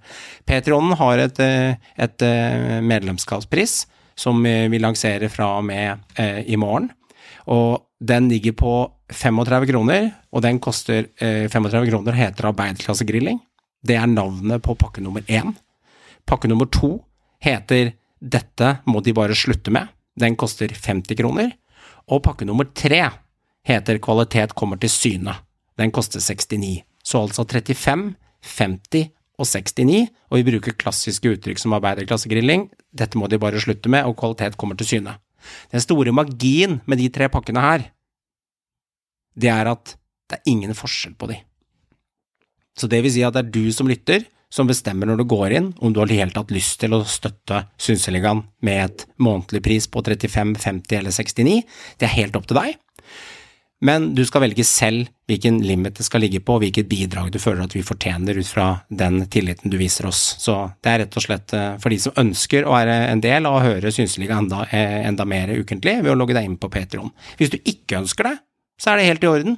Det går helt fint. Det er rett og slett for at vi bruker tiden vår og lager content, og da legger vi opp dette som en ekstratjeneste for deg som er, er interessert og nysgjerrig på, på, dette i tillegg. De vanlige episodene vil også bli lagt ut på Patrionen for de som velger å danne seg en, et medlemskap månedlig på en av de tre summene. Men ergo, det er ingen forskjell på pakkene. Du får akkurat det samme innholdet om du velger den til 35, 50 eller 69. Det er du som skal avgjøre selv om du ønsker å være medlem der eller ei. Så dette, gutter, dette ser jeg egentlig veldig fram til. Vi har jo litt planer de neste ukene, og vi kommer til å slippe um, episoder allerede fra neste tirsdag, onsdag og torsdag neste uke. Så kommer det episoder på Patrion, Så neste uke skal vi prøve å småpepre litt. Håvard, eh, denne Patrion-tjenesten vår med det, med, et lite introduksjonstilbud til de som eh, eh, kaster seg på tidlig. Så der, der, har vi litt planene klare, og vi har bl.a. Noen, noen gjester vi har tenkt å få med oss også. Så det ser jeg fram til. Det blir herlig at vi kan bjuda på enda mer til Våre kjære lyttere, og dette elsker vi å drive med. Vi elsker norsk fotball, vi elsker det vi prater om. Og her er det høy synsekompetanse hos eh, oss eh, i panelet, og i tillegg til våre, våre gjester, som kommer til å krydre produktet vårt på en, eh, på en enda bedre måte. Ja, og de som ikke har lyst til det, å legge igjen 35, 50 eller 69 på en av pakkene, som altså er helt like, det er du som avgjør selv om du helt tatt vil være med på en av de pakkene i månedlig pris, så kommer Synseligaen som de har gjort hver eneste uke i de siste tre årene, i spilleren din på Spotify, iTunes, iCast, Chrome, hvor enn du måtte høre det. Det kommer akkurat som vanlig, men det er noen episoder du mister der som er lagt ut på Patreon, som er en del av det for den som ønsker litt ekstra. Så last ned appen, gå inn på webbrowseren, og det ligger allerede noen eh, episoder av de gamle episodene der, og så melde den, så kan du se litt på tjenesten og se hva du syns om det. Det er også mulighet til å skrive der og kommentere og gjøre andre typer ting. Den er tilgjengelig fra og med onsdag morgen for dem som har nysgjerrighet på det. Og er det ytterligere spørsmål rundt den tjenesten, så kan de spørsmålene rette rettes til Meran på Instagram eller til Håvard på Twitter. Men jeg skal være, det, det, meste er klokkeklart her nå. Så bra! Jeg gleder meg veldig til det, og vi skal få til et veldig veldig bra produkt for dere som har lyst til å melde dere inn. og Det blir, det blir veldig, veldig spennende. Karer, eh, en ting som også begynner å bli litt spennende, er denne høstjakten til RBK. Vi har snakket om denne kruttduoen, og jeg er jo skitstolt av å sitte og se på RBK-kamp, og deilig å vite, og jeg sier det igjen, vi har Eliteseriens beste spisspar i Tengstedt og Sæter. De renner inn med målpoeng. Altså, Sæter er Eliteseriens mest effektive spiss, og Tengstedt, han, ja, om det er, om er krøsset, vinkelen, dra av en mann, eller om å få med seg en heldig offside-scoring i går Heldige spisser er noen ganger heldige når de er gode. Eh, jeg driter i det. Vi, vi tar den kampen 3-1, og Lillestrøm ble, ble, sendt hjem. De hadde ikke nubbsjans i den kampen der. Nei, og så- og så syns egentlig ærlig talt jeg at eh, nå, nå seiler for meg RBK opp som den helt soleklare sølvkandidaten. Eh, måten de har spilt på eh, den siste tiden, kontra de andre lagene som har, ligger rundt, da, både Lillestrøm altså Enga kan vel nesten iblant også vise til en, liksom, en tilsvarende en god trend da, og, og godt spill. Men jeg syns Rosenborg rett og slett virker mer solide enn både Glimt og Lillestrøm. Eh, Så eh, for meg nå så har jeg faktisk Rosenborg litt overraskende som en, om ikke soleklar, men en, en liten favoritt å ta det sølvet foran de andre lagene. Og det, det trodde jeg ikke hvis du hadde gitt meg en, si en fem, bare en fem-seks runder siden, egentlig. Nei. Eh, Så mye kan skje på kort tid, tenker jeg. Det er jo særlig det kjøpet med Kasper Tengseth Ja. som viser seg som et varp og et kupp, med tanke på at han faktisk kom da for en nette sum av 10 millioner. Men det ser jo billig ut, med tanke på hva, hva, hva ellers de andre klubbene har henta inn eh, på sy syke summer, og, og hva han har levert. For han har vært en ubetinga suksess, og det er som hånd i hanske. Det er nesten litt som Mini-Veigard og Daniel Landskog. Å, eh, så er deilig! Det er, det er så lenge siden vi har opplevd! Det er, eh, ikke helt der, der oppe ennå, men, men De var syke. De er syke, de er ikke der ennå, men, men det samarbeidet de, de imellom og måten de leverer på nå og, og eh, du ser at dette her er, eh, er en sulten duo eh, som ønsker å vise seg fram, og som skårer mål i hver eneste kamp. For nesten begge to skårer mål i hver eneste kamp. Og så vil jeg si at eh, De har også en, en underprata spiller. Hvis han har underprata. De har også eh, den spilleren i ligaen med flest assist Mm. I Carlo Holse med 13 målgivende pasninger. Han er soleklart øverst på, på, på den eh, lista. Og det i seg selv er også en selvfølgelig en poenggarantist. Og eh, ja, de sliter fortsatt defensivt til tider. Eh, Men det RBK-laget er ungt, sultent. Jeg har sagt dette her i hele år, gutter. Jeg ser på RBK som en stor medaljekandidat, og jeg har trua på det laget her, til og med når det gikk eh, dårlig.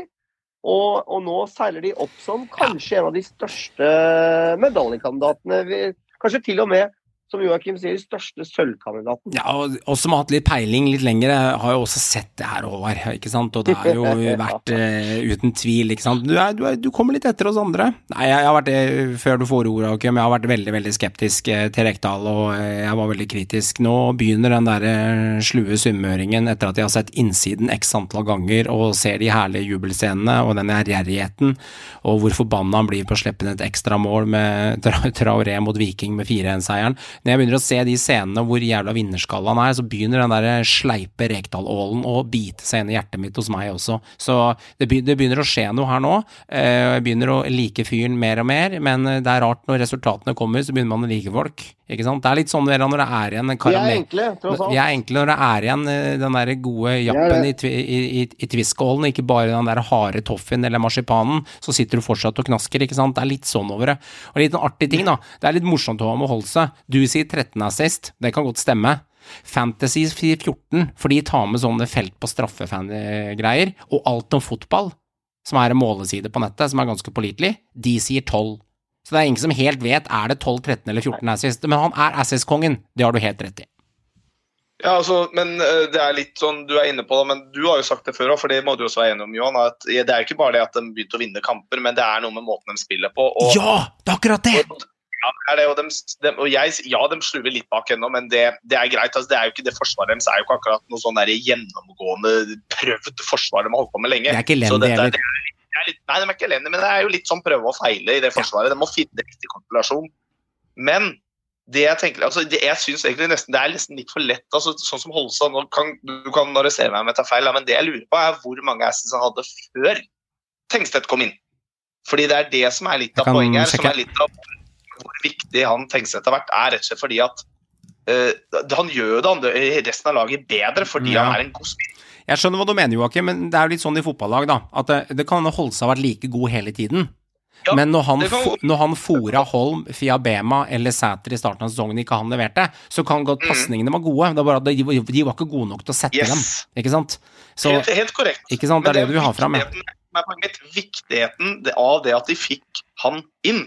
Eh, både i forhold til Sæter og i forhold til altså en spiller som Holstad, som faktisk du ja, Du kan ha Kevin De Bruyne på laget ditt, men hvis du har en søppelspiss som ikke evner Ja. å ta imot en ball i mål, Ja. så hjelper det ikke. ikke sant? Men jeg kan si en ting. Han har 14 assists ifølge Fantasy, men Fantasy måler sånn at blir du felt og får straffe, så får du assisten.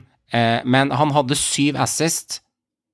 Halvparten av assistene var før Tengstedt, og halvparten av assistene etter. Så han har litt flere assists etter at Tengstedt kom inn versus Kamper, men han leverte før det òg, faktisk. Han har vært en servitør han i hele år, han, eh, rett og slett. Og, Ja. eh, og jeg tror også det var faktisk var bra jeg, for, eh, for eh, Rosenborg som lag og helhet at Noah dro. Ja. Faktisk, tror jeg det. Selv om det er en ung spiller med et bra potensial, så fikk det satt seg enda mer der fremme. Og eh, en spiller som Markus Henriksen har vokst seg fram som den soleklare lederen som vi var nok eh, noen av, noen av folk i panelet og eksperter for øvrig, var, var skeptisk til hans rolle som midtstopper. Og han starta litt famlende, men han vokste seg fram som en lederskikkelse i den trioen bak der. Så han har vært også veldig solid. Og, jeg, jeg hadde ikke rynka på nesa hvis Markus Henriksen var i troppen til Norge som stopper, fordi han har vært veldig solid. Det har jo vært oppe i media også, den Ja med, med Henriksen inn som stopper der. Men, men, men uansett, RBK er også blant de yngste laga i hele ligaen. Nummer to. Og, og Mm. det sier også litt om hvordan de jobber, og hvordan de jobber nå kontra bare for noen få år siden. For husker du òg for noen år siden, når vi snakket om at Brann Rosenborg er de med de eldste troppene for to-tre år siden? Yes. Det husker jeg, og, det, det, og da, da, da var Synseligaen på lufta. Det er to-tre år siden. Og- og- Ja, vi var der, altså, og- som Narvestad ville ha sagt. Og da og husker jeg ved disse og jeg- RBK. Og jeg mener at må de bygge klubb nå, det er sånn du må bygge klubb. Men, jeg, altså, men det med bare sånn Henriksen nå, da, fordi at eh, nå, Det kan godt være, nå vet jeg ikke hva alle andre, men jeg mener jo at egentlig vi var ikke så veldig Jeg kan ikke huske at du var så utrolig skeptisk til han som midtstopper. Nei, det var det Eh, kanskje ikke. Jeg, jeg, jeg, blant annet, jeg var skeptisk til han som anker på midtbanen. Ja. Det var det jeg var skeptisk til. Og det, det viser igjen da litt det der med Som jeg tenker litt i forhold til Rekdal, da, som jeg tror han er dyktig på. Uh, det å kunne se sånt og ta et sånt valg da, og si at vet du, du, det er der du skal spille. Du skal ikke være der. fordi jeg tror fremdeles at RBK hadde vært et dårlig lag om de hadde hatt uh, Henriksen som anker. For der er han ikke så god lenger. Men midtstopper har jeg det, det kunne vi jo se ganske lang vei, tenker jeg, da. Og så har de også gjort Lerkendal til et fort. Ja.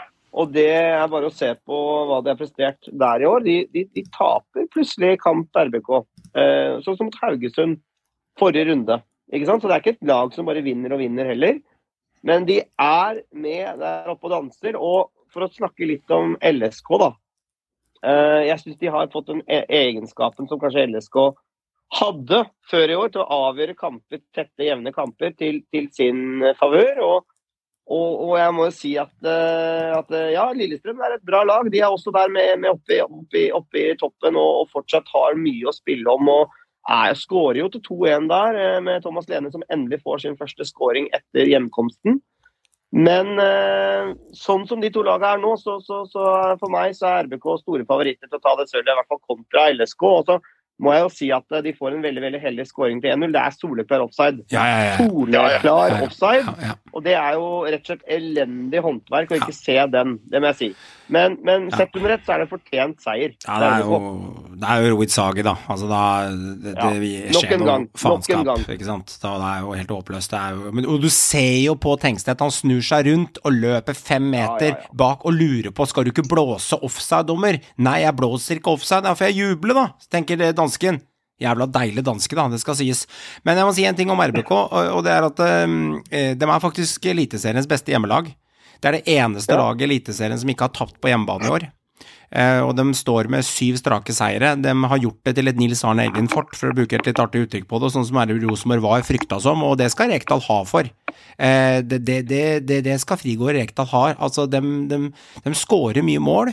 De måla Sæter setter inn på det skuddet der, og den nikken Den nikken er en goalgetter-nikk, og, og, det skuddet der det minner meg litt om målet han skåra borte mot Vålerenga da han fikk en holse som en banankøll der, og så fikk han opp i krøsset i tillegg, bortsett fra det her var motsatt krøss. Det er, det er sterke skåringer. Jeg er så imponert over den Askeladden. Askeladden eh, Sæter er så imponert over. Det er noe med den fyren der som, eh, som er helt rått. Jeg elsker det. Det er en, det er en eventyrhistorie. Det er et Hollywood-manus. Ja, ja. Med tanke på en spiller som kommer fra lavere divisjoner og har vært medlem av supportergruppa, er erketrønder og Ja, tidligere holdt jeg på å si mobbeoffer, og det er ikke måte på. ikke sant? Er, lista er lang er lang. på, på ting å snakke om eh, med Ole Sæter. Han er en herlig profil. Han har tatt stafettpinnen etter Pål André Helland Ja. som den eh, frontfiguren, Ja. trønderen, som går foran og leverer eh, gode prestasjoner og byr på seg sjøl. Det elsker trønderne, og nå begynner det faktisk å komme mye folk på kampene her også. Ja, du er litt snill der, Håvard. Eh, det kom mye folk Jo mot Lillestrøm. det, nå, nå var det bra med folk. Det er sant, men før det har det rigget på 11 til 12 15 et sted, da. Det er fortsatt vanskelig å få folk på kamp, men jeg har én Ja, bekymring for Rosenborg. det begynner å snu litt. Det gjør det. Jeg har én bekymring for Rosenborg. Og det er en ting som eh, gjør litt vondt å se på, og det er todelt. Det er veldig gledelig, for å starte den ene enden, skal vi avslutte matchen her, at Edvard Tagseth legger en assist, er god defensivt og er også god på eh, offensivt på venstre, den lille pjokken der. Eh, det, det er hyggelig å se at han har virkelig tatt steg i RBK-drakta. Det syns jeg er hyggelig. Han har vært en av RBKs beste i, i høst, og han har virkelig tatt det steget som lå inn. Det som er dritt med det, det er at vi holder kanskje Eliteseriens beste venstreback når han er i form, på benk. Pereira. Fordi jeg veit at de banankølene han har, og det harde, presise innlegget han klarer å køle inn der, som han er god på Han er litt svakere defensivt enn Tagesetten, men han er jæklig farlig offensivt. Jeg husker vikingperioden hans, jeg har også sett glimt av Rosenborg. Det gjør at jeg sitter med en liten bekymring på at han får mistrivsel, og så selger Rosenborg han billig, og så ender han som en strålende bekk i Nord-Norge, der hvor Bodø-Glimt skaffer seg venstrebekken sin gjennom Pereira. For han skulle gjerne sett vært fletta inn i dette RBK-systemet med den offensive kraften han har. Men da må det gå på bekostning av Tagsetten. Og det er også litt sånn dritt, fordi det Tagseth er jo trønder og har gjort det veldig bra. Så det er det eneste jeg håper Rekdal og co. klarer å få løst opp i. Fordi Pereira sitter med et uløst potensial på benka, gutter. Det er vi enige om. Ja, ja, han har jo vist, uh, vist det i flere kamper også, men han er litt ustabil. Er litt sånn uh, humørspiller. Litt jå- jåle- jålebukk. Litt, og gjør litt, litt mer feil. På- Ja, gjør litt mer feil og er litt sånn eh, ja, ustabil, rett og slett. Men, men veldig, poten veldig potensial i typen. Og de RBK har en del har, som jeg har sagt mange ganger, har mye profiler og mye talent Ja. i troppen sin. Og tenk på det, Joakim. Vi har klart oss uten per, vi har klart oss med Holse, Sæter og, og Tengstetten som leverer målpoeng. Og nå er Vekkia tilbake i slutten av måneden. Jeg har ikke snakka om den engang. Det er toppskåreren fra i fjor, det. Ja, ikke sant? Og også toppskåreren fra tidligere i år. Ja. Ikke Ja, det er det- sant. Hvorfor, hvorfor, eh, liksom nordlendinger ville sagt, for i helvete skal vi ha plass til han? Hva faen gjør vi nå? Altså, Og det Han er ja, det er seg opp. da. Han har jo vært kjeks lenge. La han få bygge seg opp sakte, men sikkert mens laget fungerer. da. Så er han tipp topp shape i slutten. Men det er jo et luksusproblem, da. Det er et er- kjempeluksusproblem. er Men, men kampen om det sølvet her, den, eh, den blir eh, Fy fader, den blir, den blir tight, altså.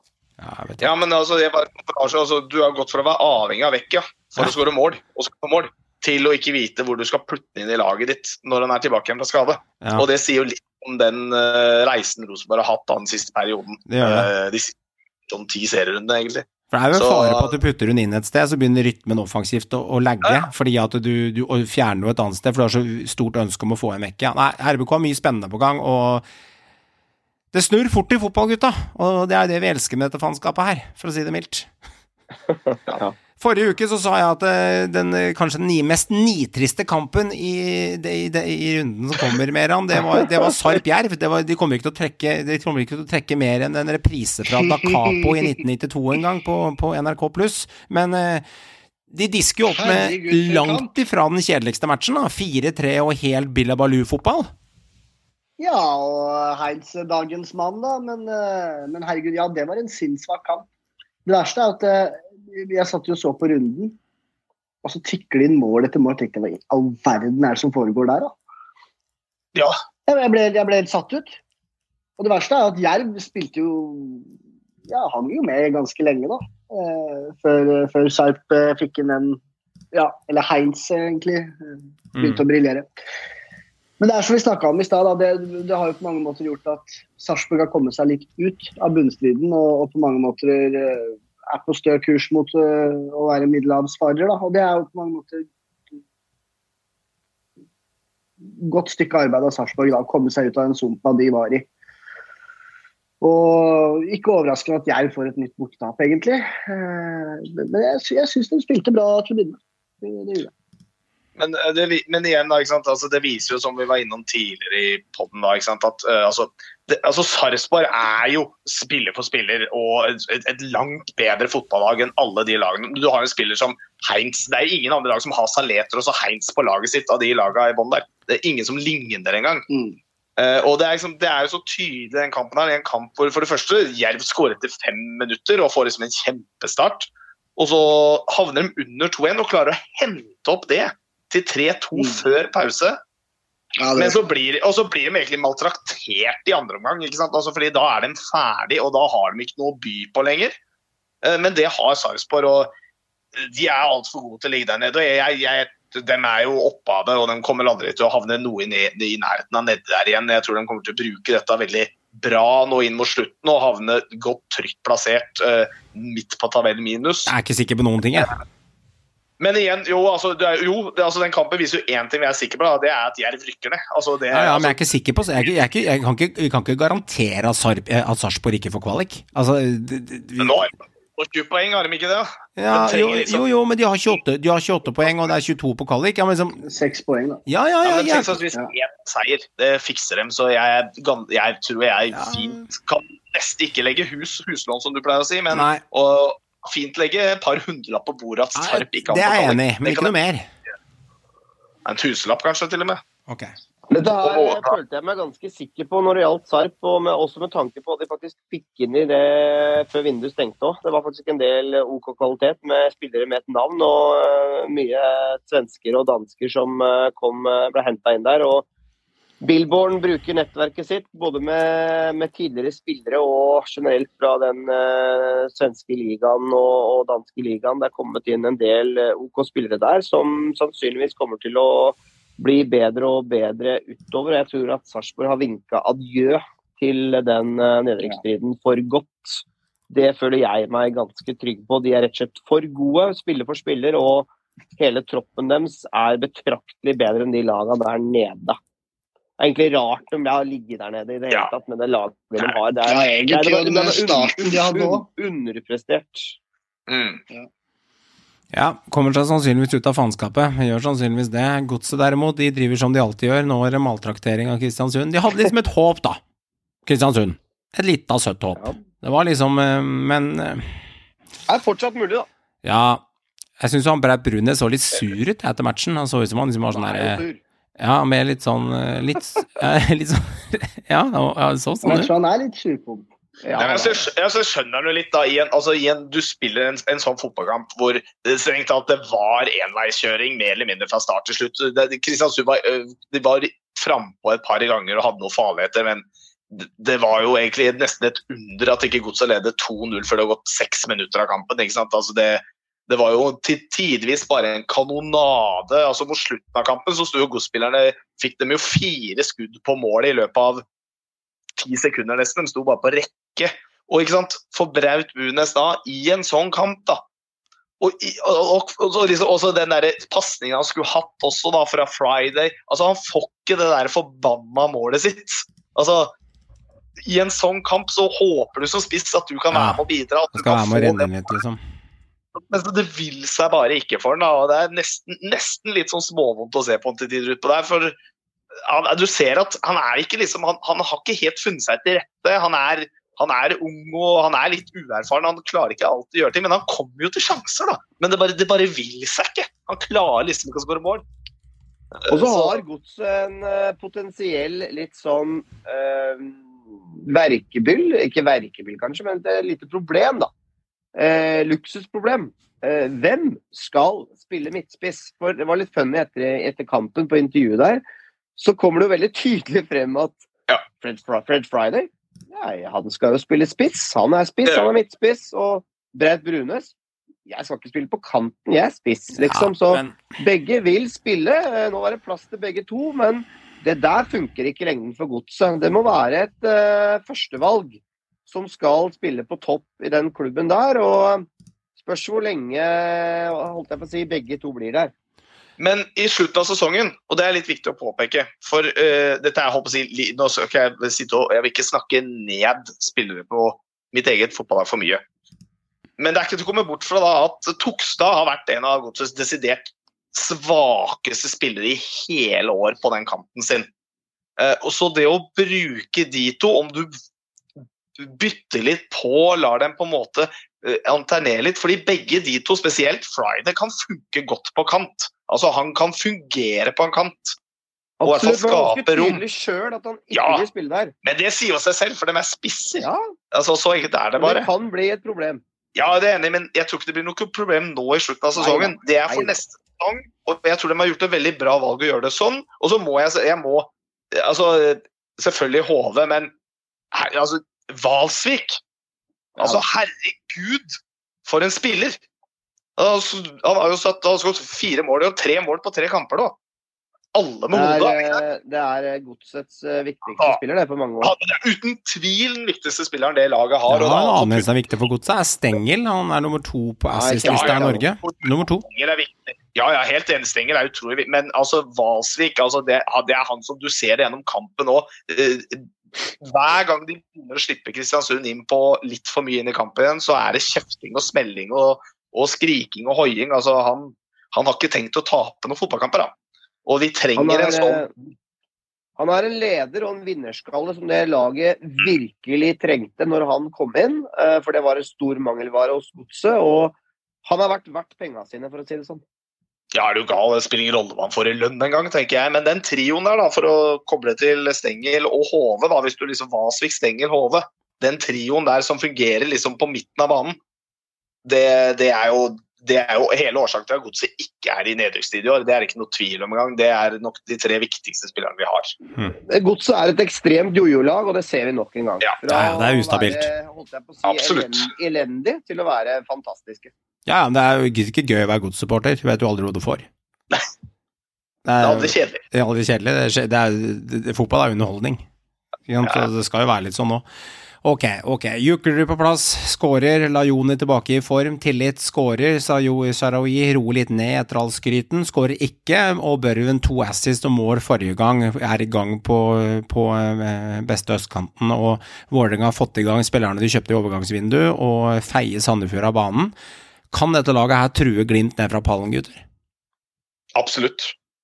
Det er, tror jeg helt fint de kan. Uh, som formen som Glimt er i altså det, Vålerenga har ikke vært noe dårligere enn Glimt de siste, de siste 10-15 kampene av, uh, som Nei, vi har hatt nå. ikke.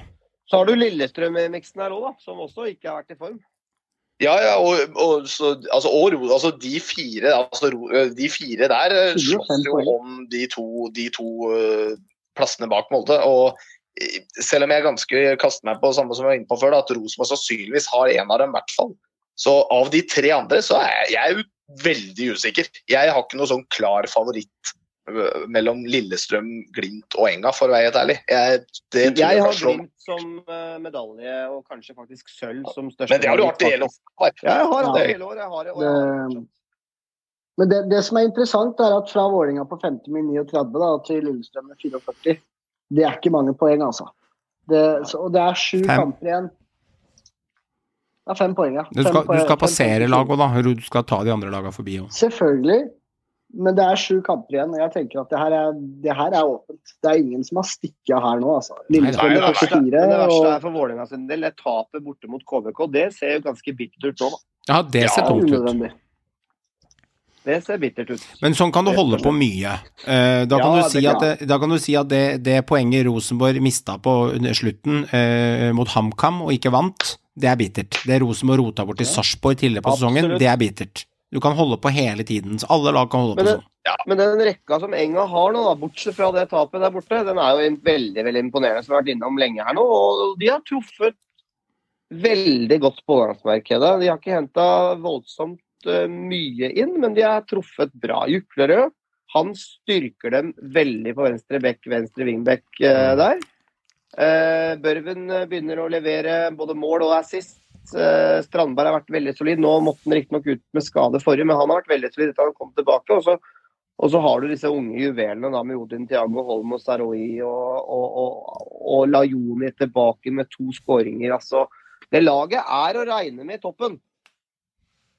Ja, altså Det spennende også, da, er jo det at etter neste runde så møter jo faktisk gjengen både Glimt og Rosenborg på to påfølgende kamper. og det, De to kampene der, i hvert fall for Enga sin del, så er det nok For da begynner det å komme langt ut i sesongen. Det er nok litt make or break it for Enga, de kampene mot Rosenborg og Glimt. Kommer de unna med fire til seks poeng der, eh, så da, da ligger de godt an. Går de ut med null, så er det nok hekta av. Da Ikke hekta, men da blir det tungt å ta Men det. jeg jeg. tror nok at eh, det blir ikke noe syvendeplass i år, gutter. Det blir på Vålerengen.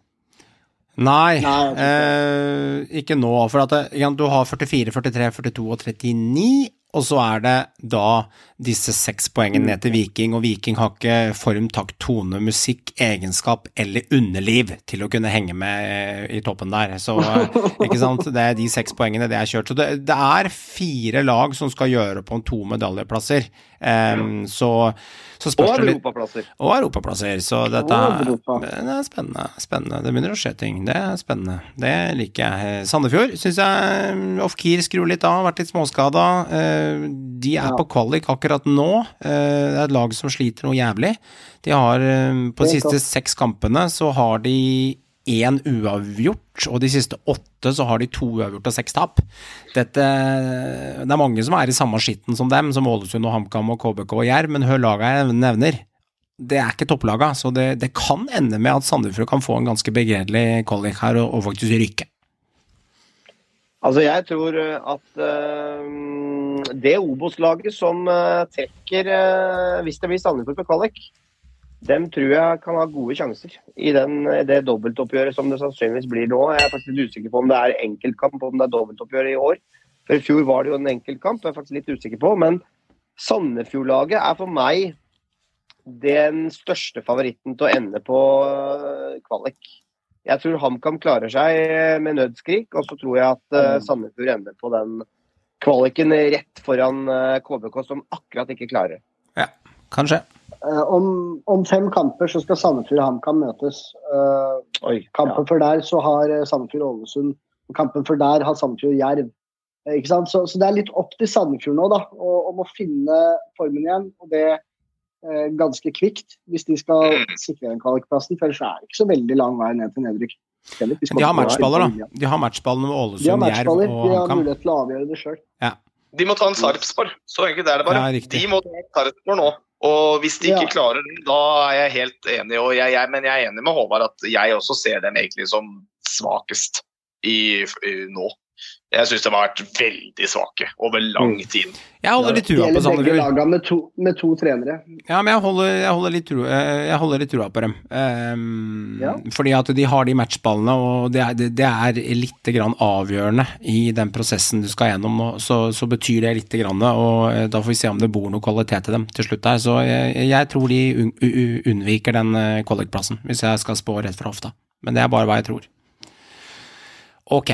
Nå er det kanskje den kjedeligste perioden vi går inn i de neste 14 dagene, eh, for, de som, eh, for de som eh, er der. Og så er det noen som elsker denne perioden. Og det er jo alltid sånn det er når vi skal ut i Nations League, og vi møter Slovenia til lørdag 24.9.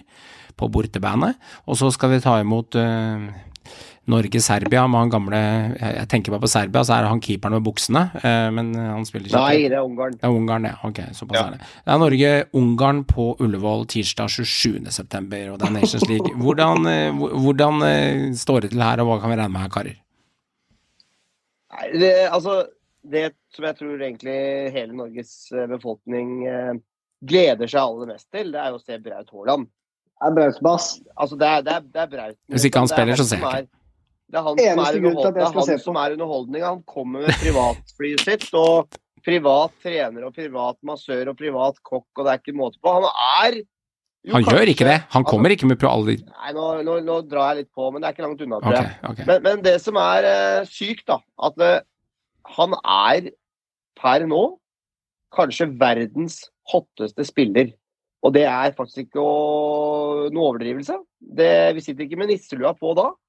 Det er den mest omtalte og hotteste spilleren i hele fuckings verden, som er da vår stjernespiss. Og det i seg sjøl er jo en syk underholdningsverdi. Det er så fett, vet du. Ja, altså, og det som også, men det er én ting til, da. Altså, jeg vil bare satse på en ting. En ting han kommer med garantert, det er en egen fysioterapeut fra Manchester City som skal passe på han ikke, altså, ja, så han ikke kan kjøre svart. Men det som er morsomt her, da, som jeg tenker, og i tillegg til Braut Haaland, som alltid er gøy, det er jo det at det er jo kun én av disse kampene som betyr noe. Og det er kampen mot Serbia. For det spiller ingen rolle hva de gjør i den andre kampen. Hvis de vinner den kampen, da er vi Jo i A Nei, da er vi i A-gruppa neste gang, hvis jeg har skjønt det helt Jo da, riktig. Joakim, men hvis Serbia taper mot Sverige, da De kan, de kan få hjelp av søta bror. Nei, ja, men, ja, ja, selvfølgelig. Vi kan vinne før, men drit i. Vi skal vinne sjæl. Altså, så vi sier de Ja, slår men, men altså, poenget er at det- det er jo det er ikke usannsynlig at Sverige kan starte på trøbbel. Overhodet ikke. Og da er jo Norge plutselig i, med the big boys. Det er det som er. Nations League-gruppe. Da snakker vi Tyskland og Spania og Frankrike og Da er vi oppe liksom. med gunsa, lille Norge Ja. som ikke har vært i sluttspill siden 2000. Vi er Nei. på øverste nivå. Det er braut oppe med gunsa, de andre bare er med. Nei da. Vi, vi, jeg, jeg, jeg som bryr meg om hele helheten her, jeg Ja. syns det, blir, jeg synes det blir spennende. Jeg håper virkelig at Martin blir klar. Han har dessverre slitt litt med skade og er usikker. Det er selvfølgelig et stort tap. Hvor andre store verdensstjerne, kaptein på Arsenal, Martin Ødegaard fra Drammen, eh, han er usikker dessverre. Og det, er jo selvfølgelig et slag i trynet for Norge hvis han eh, må stå over. Og så har det jo da eh, Vålingas eh, nye leder, Stefan Strandberg, som også har meldt pass med skade. og eh, ikke tatt inn noen rein eh, stopper som erstatter, men Kristoffer Sakariassen, gamle RBK-spilleren, og Sarpsborg har kommet inn fra Ferien Svaros og inn i tropp. Det er siste nytt. Okay. Eh, ellers så blir det jo spennende hvem som stikker av med keeperplassen. Der er det veldig åpen kamp med André Hansen, Grytebust og Nyland. Og så har du da hvem blir den nye stopperduoen? Vil vi se de litt unge fremadstormene som Kristoffer Ayer og Østegård, som begge ikke har spilt voldsomt mye fotball? Men det er da kanskje nærliggende at det blir nettopp de to som danner nytt stoppepar. Ja. Slovenia er borte. Jeg syns den høres litt ekkel ut, gutter. Det er jo en av litt verden. Har jo en av verdens beste keepere, han Jan Oblak der. Han er knallgod. Ja, det, er litt sånn, det, Det er- det er, lukter så 1-1 i sånn match. Det er sånn der, typisk at det er sånn bananskall på veien. Det, ja, men det er, jo, det er jo de eneste som har tatt poeng fra Norge hittil. Det er jo Slovenia. Ikke sant? Vi spilte jo 0-0 mot dem på hjemmebane. Og vi har Yes, vunnet og da. Vi har var det vunnet jo- andre, liksom. Da var det jo nettopp Jan Oblak som var Ja. i det umulige hjørnet. Så eh, Nei. Altså, ha Braut dagen, så vinner vi. Så, Ja, det ja, du. Du, du, Ah, det er så altså, deilig. Det er så deilig å ha en sånn det spiller. hjelper ikke om- det hjelper ikke om det var verdens beste keeper engang, hvis Braut tar dagen. Så det, det som er så sjukt, er så surrealistisk Han Jan Oblak hadde ikke tatt det skuddet til Ole Sæter mot Lillestrøm opp i krøsset fra 18 meter der. Det hadde han ikke gjort. Det som er så surrealistisk å sitte og prate om, og det er jo nesten sånn Det er jo surrealistisk at vi har en verdensstjerne som er norsk. Vi, vi har faktisk en, en av de største st- stjernene i hele faktisk fotballverden. Han er norsk stjernespiss. Skal jeg få deg til, til å le, Håvard? Skal jeg få deg til å le? Skal jeg få deg til å le? Jeg er enig at det er surrealistisk, men som er på andreplass på den surrealistiske lista, vet du hva det er? Nå kommer du til å le. Jeg syns du er litt søt når du ler, da, for du har sånn indre latter når du kommer ut. Kapteinen til Arsenal er fra Drammen. Det er også helt sjukt. Det er også ganske sjukt når du tenker på det. Det er også veldig sjukt. Ikke sant? Eh, Ja, ja, det er det. Det. Det, er, det, det, det, det er eh, et, lo, et lag det er lov å ha trua på. Altså, hvis du Absolutt. ikke har trua på et mesterskap fremover nå, da, da er du passe pessimistisk, altså. for, det er høy fallhøyde, for å si det sånn. Det er det. Ok. Så, eh, Meran, spå første kamp. Slovenia-Norge borte. Hva tror du? Eh, Slovenia-Norge borte. Det bør eh, Nei, det bør være 1-2, da. 1-2, ja. ja har Braut. Og Joakim, du tar Norge-Serbia, så Håvard, du får ikke lov å si noe på det i dag. Uh, altså, Vi slo jo Serbia på bortebane, så ærlig talt, hvis det blir avgjørende kamp på slutten, så, eller ikke, spiller ingen rolle. Det blir rundspilling, og så vinner vi 3-0. Å ja, såpass, ja. Ok. 1, 2, 3, 0. Det er seks poeng i bordet, da er vi inne i A-pulja. Ok. Ja, ja, ok. ja. Herlig, herlig. Ja, men så bra. Da blir det litt Og, og, det, og det, det viktigste å ta med seg der, gutter, det er jo ikke egentlig kanskje å være A-pulla, det er at vi får da en ekstremt mye lettere vei inn i da neste års EM-kvalik. Ja. Vi, vi går nemlig opp et nivå og, Mm. og møter kun da kanskje ett eh, hva skal jeg si, hardt lag da, i gruppa. Ja, også, og i tillegg at ikke Braut blir skada. Det er også jævlig viktig. Ja, Det er også veldig viktig, faktisk. Det er Ja, kjempeviktig. jeg skal med all respekt, jeg, vil, jeg, vil, jeg tror det når jeg ser det. La oss, la oss komme oss dit først. Ja. Nå Jeg er jeg dit. Vi har ikke vært der siden 20, 20, eh, 2000, men, men altså, det ser jo lovende ut. Det må jeg lov å si. Det gjør det. Ja. Jeg er hyped. Greit.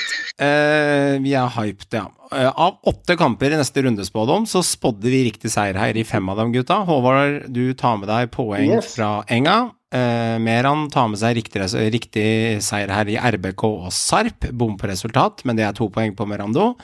Eh, Johan tar med seg Odd-seier, eh, bommer på Glimt, så jeg får ett poeng. Og Joakim treffer spot on Spaliano Spirico, rett on på 3-0 til Molde. Det er en rekketoer i bordet på deg, så du får to poeng, Joakim. Så Håvard, du ligger med 25, Joakim ligger med 21, Meran ligger med 25, og Johan ligger med 22. Så det er veldig jevnt. Det er, eh, det er litt sånn, gutta, at skal man vinne den konken her nå, for det er to-tre poeng som skiller, og det er igjen seks-sju runder, så må man begynne å tippe litt sånn eh, halvville resultater for å dra inn noen toere. Det er det man begynner å gjøre, ikke sant? For, for ellers må man safe veldig, og da, da avgjøres det på straffespark i 90. minutt i siste serierunde, avgjør om Meran får to eller ett poeng i en runde, liksom. Det, det kommer til å ende der. Det, det blir morsomt. Ok, Obos-hjørnet. Altså, gutter, har vi noe å melde? Og hvordan går det med Grorud? Grorud? Ja. Nei, den blåser jeg i. Akkurat nå så er det kun én vei, og det er framover. Kornland holder døra oppe for Lars på det toget. Vi skal være med på det toget, har jeg sagt. Vi er nå under Lars fem kamper, null tap, fire seire. Jeg er eh, kjempefornøyd. Og KFUM, jeg sa det før, jeg sier det igjen. De har gått på skreller underveis. De kommer til å fortsette å gå på skreller underveis. Vi gjør ikke det. Vi skal nå være kjedelige, solide og trygge hele veien inn. Jeg hører på Lars' intervjuer. Det er grå, terraust mus, ass. Men det går bra. Det går fint. Det går helt fint. Jeg skal ta en mus, alt jeg på å si. Bare få oss opp. Uh, få oss opp, så skal jeg tåle det kjedelige. Alt det kjedelige skal jeg tåle nå. Det går helt fint. Vi, vi, vi spiller bra. Vi er trygge. Det, det Du er har resultater. Du får resultater. Mhm. Ja, vi, vi gjør det, og vi, vi, vi får det Lars. Og det er som jeg sa, tenk at det var så enkelt som et trenerbytte var alt som skulle til. Hvem så den komme? Og det må jeg si. Skrur vi fem runder tilbake, er fire seire vi har uavgjort, så var det mange lag med Ja. 38, 39, 40, 41, 41, 41, 39. Det var skitjevnt, og du var nervøs, for det var så mange som var med og dansa tango her, og hvem skulle stikke av med dama, var det store spørsmålet. Én dame, fem karer. Mm. Den pølsefesten holdt ikke mål. Nå derimot så har Stabæk fått to poengs luke til KFUM. Og fem poengs luke til start, og i tillegg sju poengs luke. Så nå begynner det å bli to, fire, fem og sju poeng, og da begynner man å lukte litt Yes. fisk av dette her. Det er nok eh, bare ja, Start er jo inne i en eh, positiv eh, boost nå. De har fått litt vann på mølla igjen og, og gjør det bra. Men, men det er jo Koffa, Meran, som jeg tror kan stjele det. Og jeg må være helt ærlig, med all respekt for Koffa, jeg håper virkelig at det er Stabæk, mye pga. deg, men også pga. laget i sin helhet, at det er de som følger den suverene seriemesteren som nå la, jager eh, alle mulige rekorder i Obos. Og det snakkes om å passere den 100-målsgrensa. Det er faktisk Ja. mulig, eh, så gode som de er nå. Nå ble det en eh, Jeg holdt på å si det brann å være. Kun 3-0-seier. Men eh, så, så, så store har vi blitt på det. At det, er, det var én dårlig omgang, og så var det overkjøring i andre omgang. Så ble det 3-0 borte mot Sandnes Ulf, som egentlig skal være en vanskelig bortekamp i Obos. Og det var lekende lett. Dere gjør jobben. Dere gjør jobben, det er herlig. Joakim, jeg gleder meg litt til eh, når Bra- Brann har rykka opp nå, vi er enige om det. De har 68 plussmål, og Stabæk, som så så begredelig ut for en måned siden, har faktisk 27 plussmål.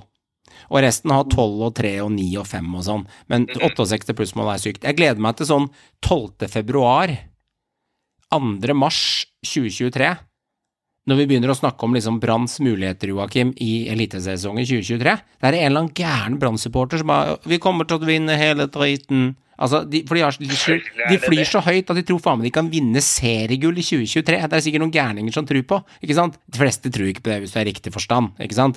Men det, det fins alltid en eller annen Bergen er Bergen.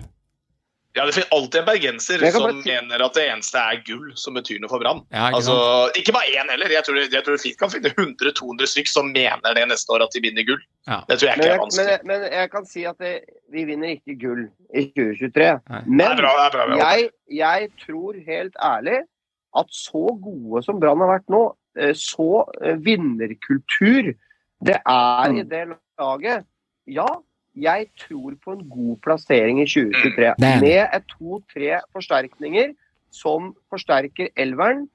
Eh, Det er altså det de har prestert i år. Vi må tenke på hvor de var. Ja, ja, vi skjønner hvor de var. Fullstendig, fullstendig krise, både sportslig og utafor banen. Og den jobben som er gjort av Horneland, Jimmy og resten Mm. Ja, ja, ja. av Brann, eh, altså det, er, det er ekstremt høyt nivå. Og jeg tror at de kan få være med og danse, i hvert fall på øvre halvdel i 2023. Ja, altså, det var jo ikke bare det rykka ned også. Det var jo det er jo ikke mer et år tilbake vi hadde småpiker og kokainfest på stadion. Altså, det er, det er ikke så lenge siden det heller. Så øh, det, det, det har skjedd noe, for å si det sånn. Det, det har skjedd noe med den gruppa der. Men store spørsmål til deg var, har du allerede sett i disse galskapforumene at en eller annen luring har lita seg at vi kommer til å vinne gull i 2023? Bare én. Har, du, har den første sluppet allerede nå? Har det kommet én? Du, Nå har jeg ikke fått sjekka så fryktelig mye på den sida, for eh, det er litt mindre. Du blir litt sånn høy og mørk, og du er ikke så Fordi jeg er truende til å skrive det, det er vi enige om. Ja, ja, 100 Det, det fins der ute 100% Der er det mange som tror på seriegull 2023. 100 Ja, det er sjarm. Det er nesten sjarm, men eh, det, det er litt søtt òg. Og eh, jeg skal ikke disse det. Jeg skal være førstemann som trekker en del- del av det hvis det skjer, men uh, det er litt sjarm i det også. For det er det som er lidenskapelig supporter òg. Altså, det er en grunn til at du trekker 12 14 15 000 på stadionet fordi du er klin koko gæren, ikke sant. Så det er jo, det sjarm. Greit, kjære lytter. Neste runde av um, Eliteserien er lørdag 1. oktober klokka fire. Så det vil si at det er 14 dagers pause med to landskamper nå til, um, til lørdagen som kommer. Mot Slovenia borte. Meran tipper 1-2. Um, til Norge, og så er det Norge-Serbia neste tirsdag 27., som også tror Joakim på en 3-0 storeslemseier der. Er du interessert i å gå inn i, og hvis du lytter til episoden i dag, onsdag, så ligger Patrion ute. Da søker du opp Synseligaen på Patrion, og så kan du danne deg et medlemskap på pakkene våre, eh, som er, koster enten 35, 50 eller 69. Velg en av pakkene, det er ingen forskjell mellom de. Alle pakkene er helt like. Det er rett og slett hva du ønsker å bidra med i måneden til Synseligaen. Pengene vi får inn fra dere som har lyst til å bidra månedlig på månedlig eh, medlemskap der, de brukes til å vedlikeholde med headset, de brukes til å vedlikeholde utstyret vårt, for Synseligaen er drevet kun av oss, uten noe reklame eller noen ting bak oss. Vi er kun drevet av fans for fans, for at vi skal skape gode episoder. Men Synseligaen slippes også som vanlige episoder hver mandag eller tirsdag, som de alltid har gjort de siste tre årene, men vi slipper ekstraepisoder for dere som elsker å lytte til Synseligaen, så tusen hjertelig takk for dere som har lyst til å ta en titt der. Kos dere, ha en glimrende uke. Høsten begynner å komme, og jeg sier det som jeg har sagt i tidligere, tidligere høst. Har du ikke ringt bonden for å skaffe deg ved, da tror jeg det er for seint nå, og da må du ty til strømmen til Vedum, og det blir dyrt. Og da ønsker jeg deg en god uke. Spare på strømmen, spare på dusjinga. Hei så lenge. Men det er jo ikke sånn at bohemen etter Vålerenga på 60-tallet At vi kan spille med de på 2020, i 2020. Det er toppidrett i dag. Fucking joke, de der jævla måla vi slipper inn. Det er, det er piss. Vi har vært bunnsolide i, i hele oppkjøringa. Nå har vi sluppet inn ja, fire-fem pissemål. Det er jævla kjedelig å trene, så det er mye bedre å bare ligge og sole seg og så spille kamper. Så det er perfekt. I wanted to wish happy birthday, but it was already going, going.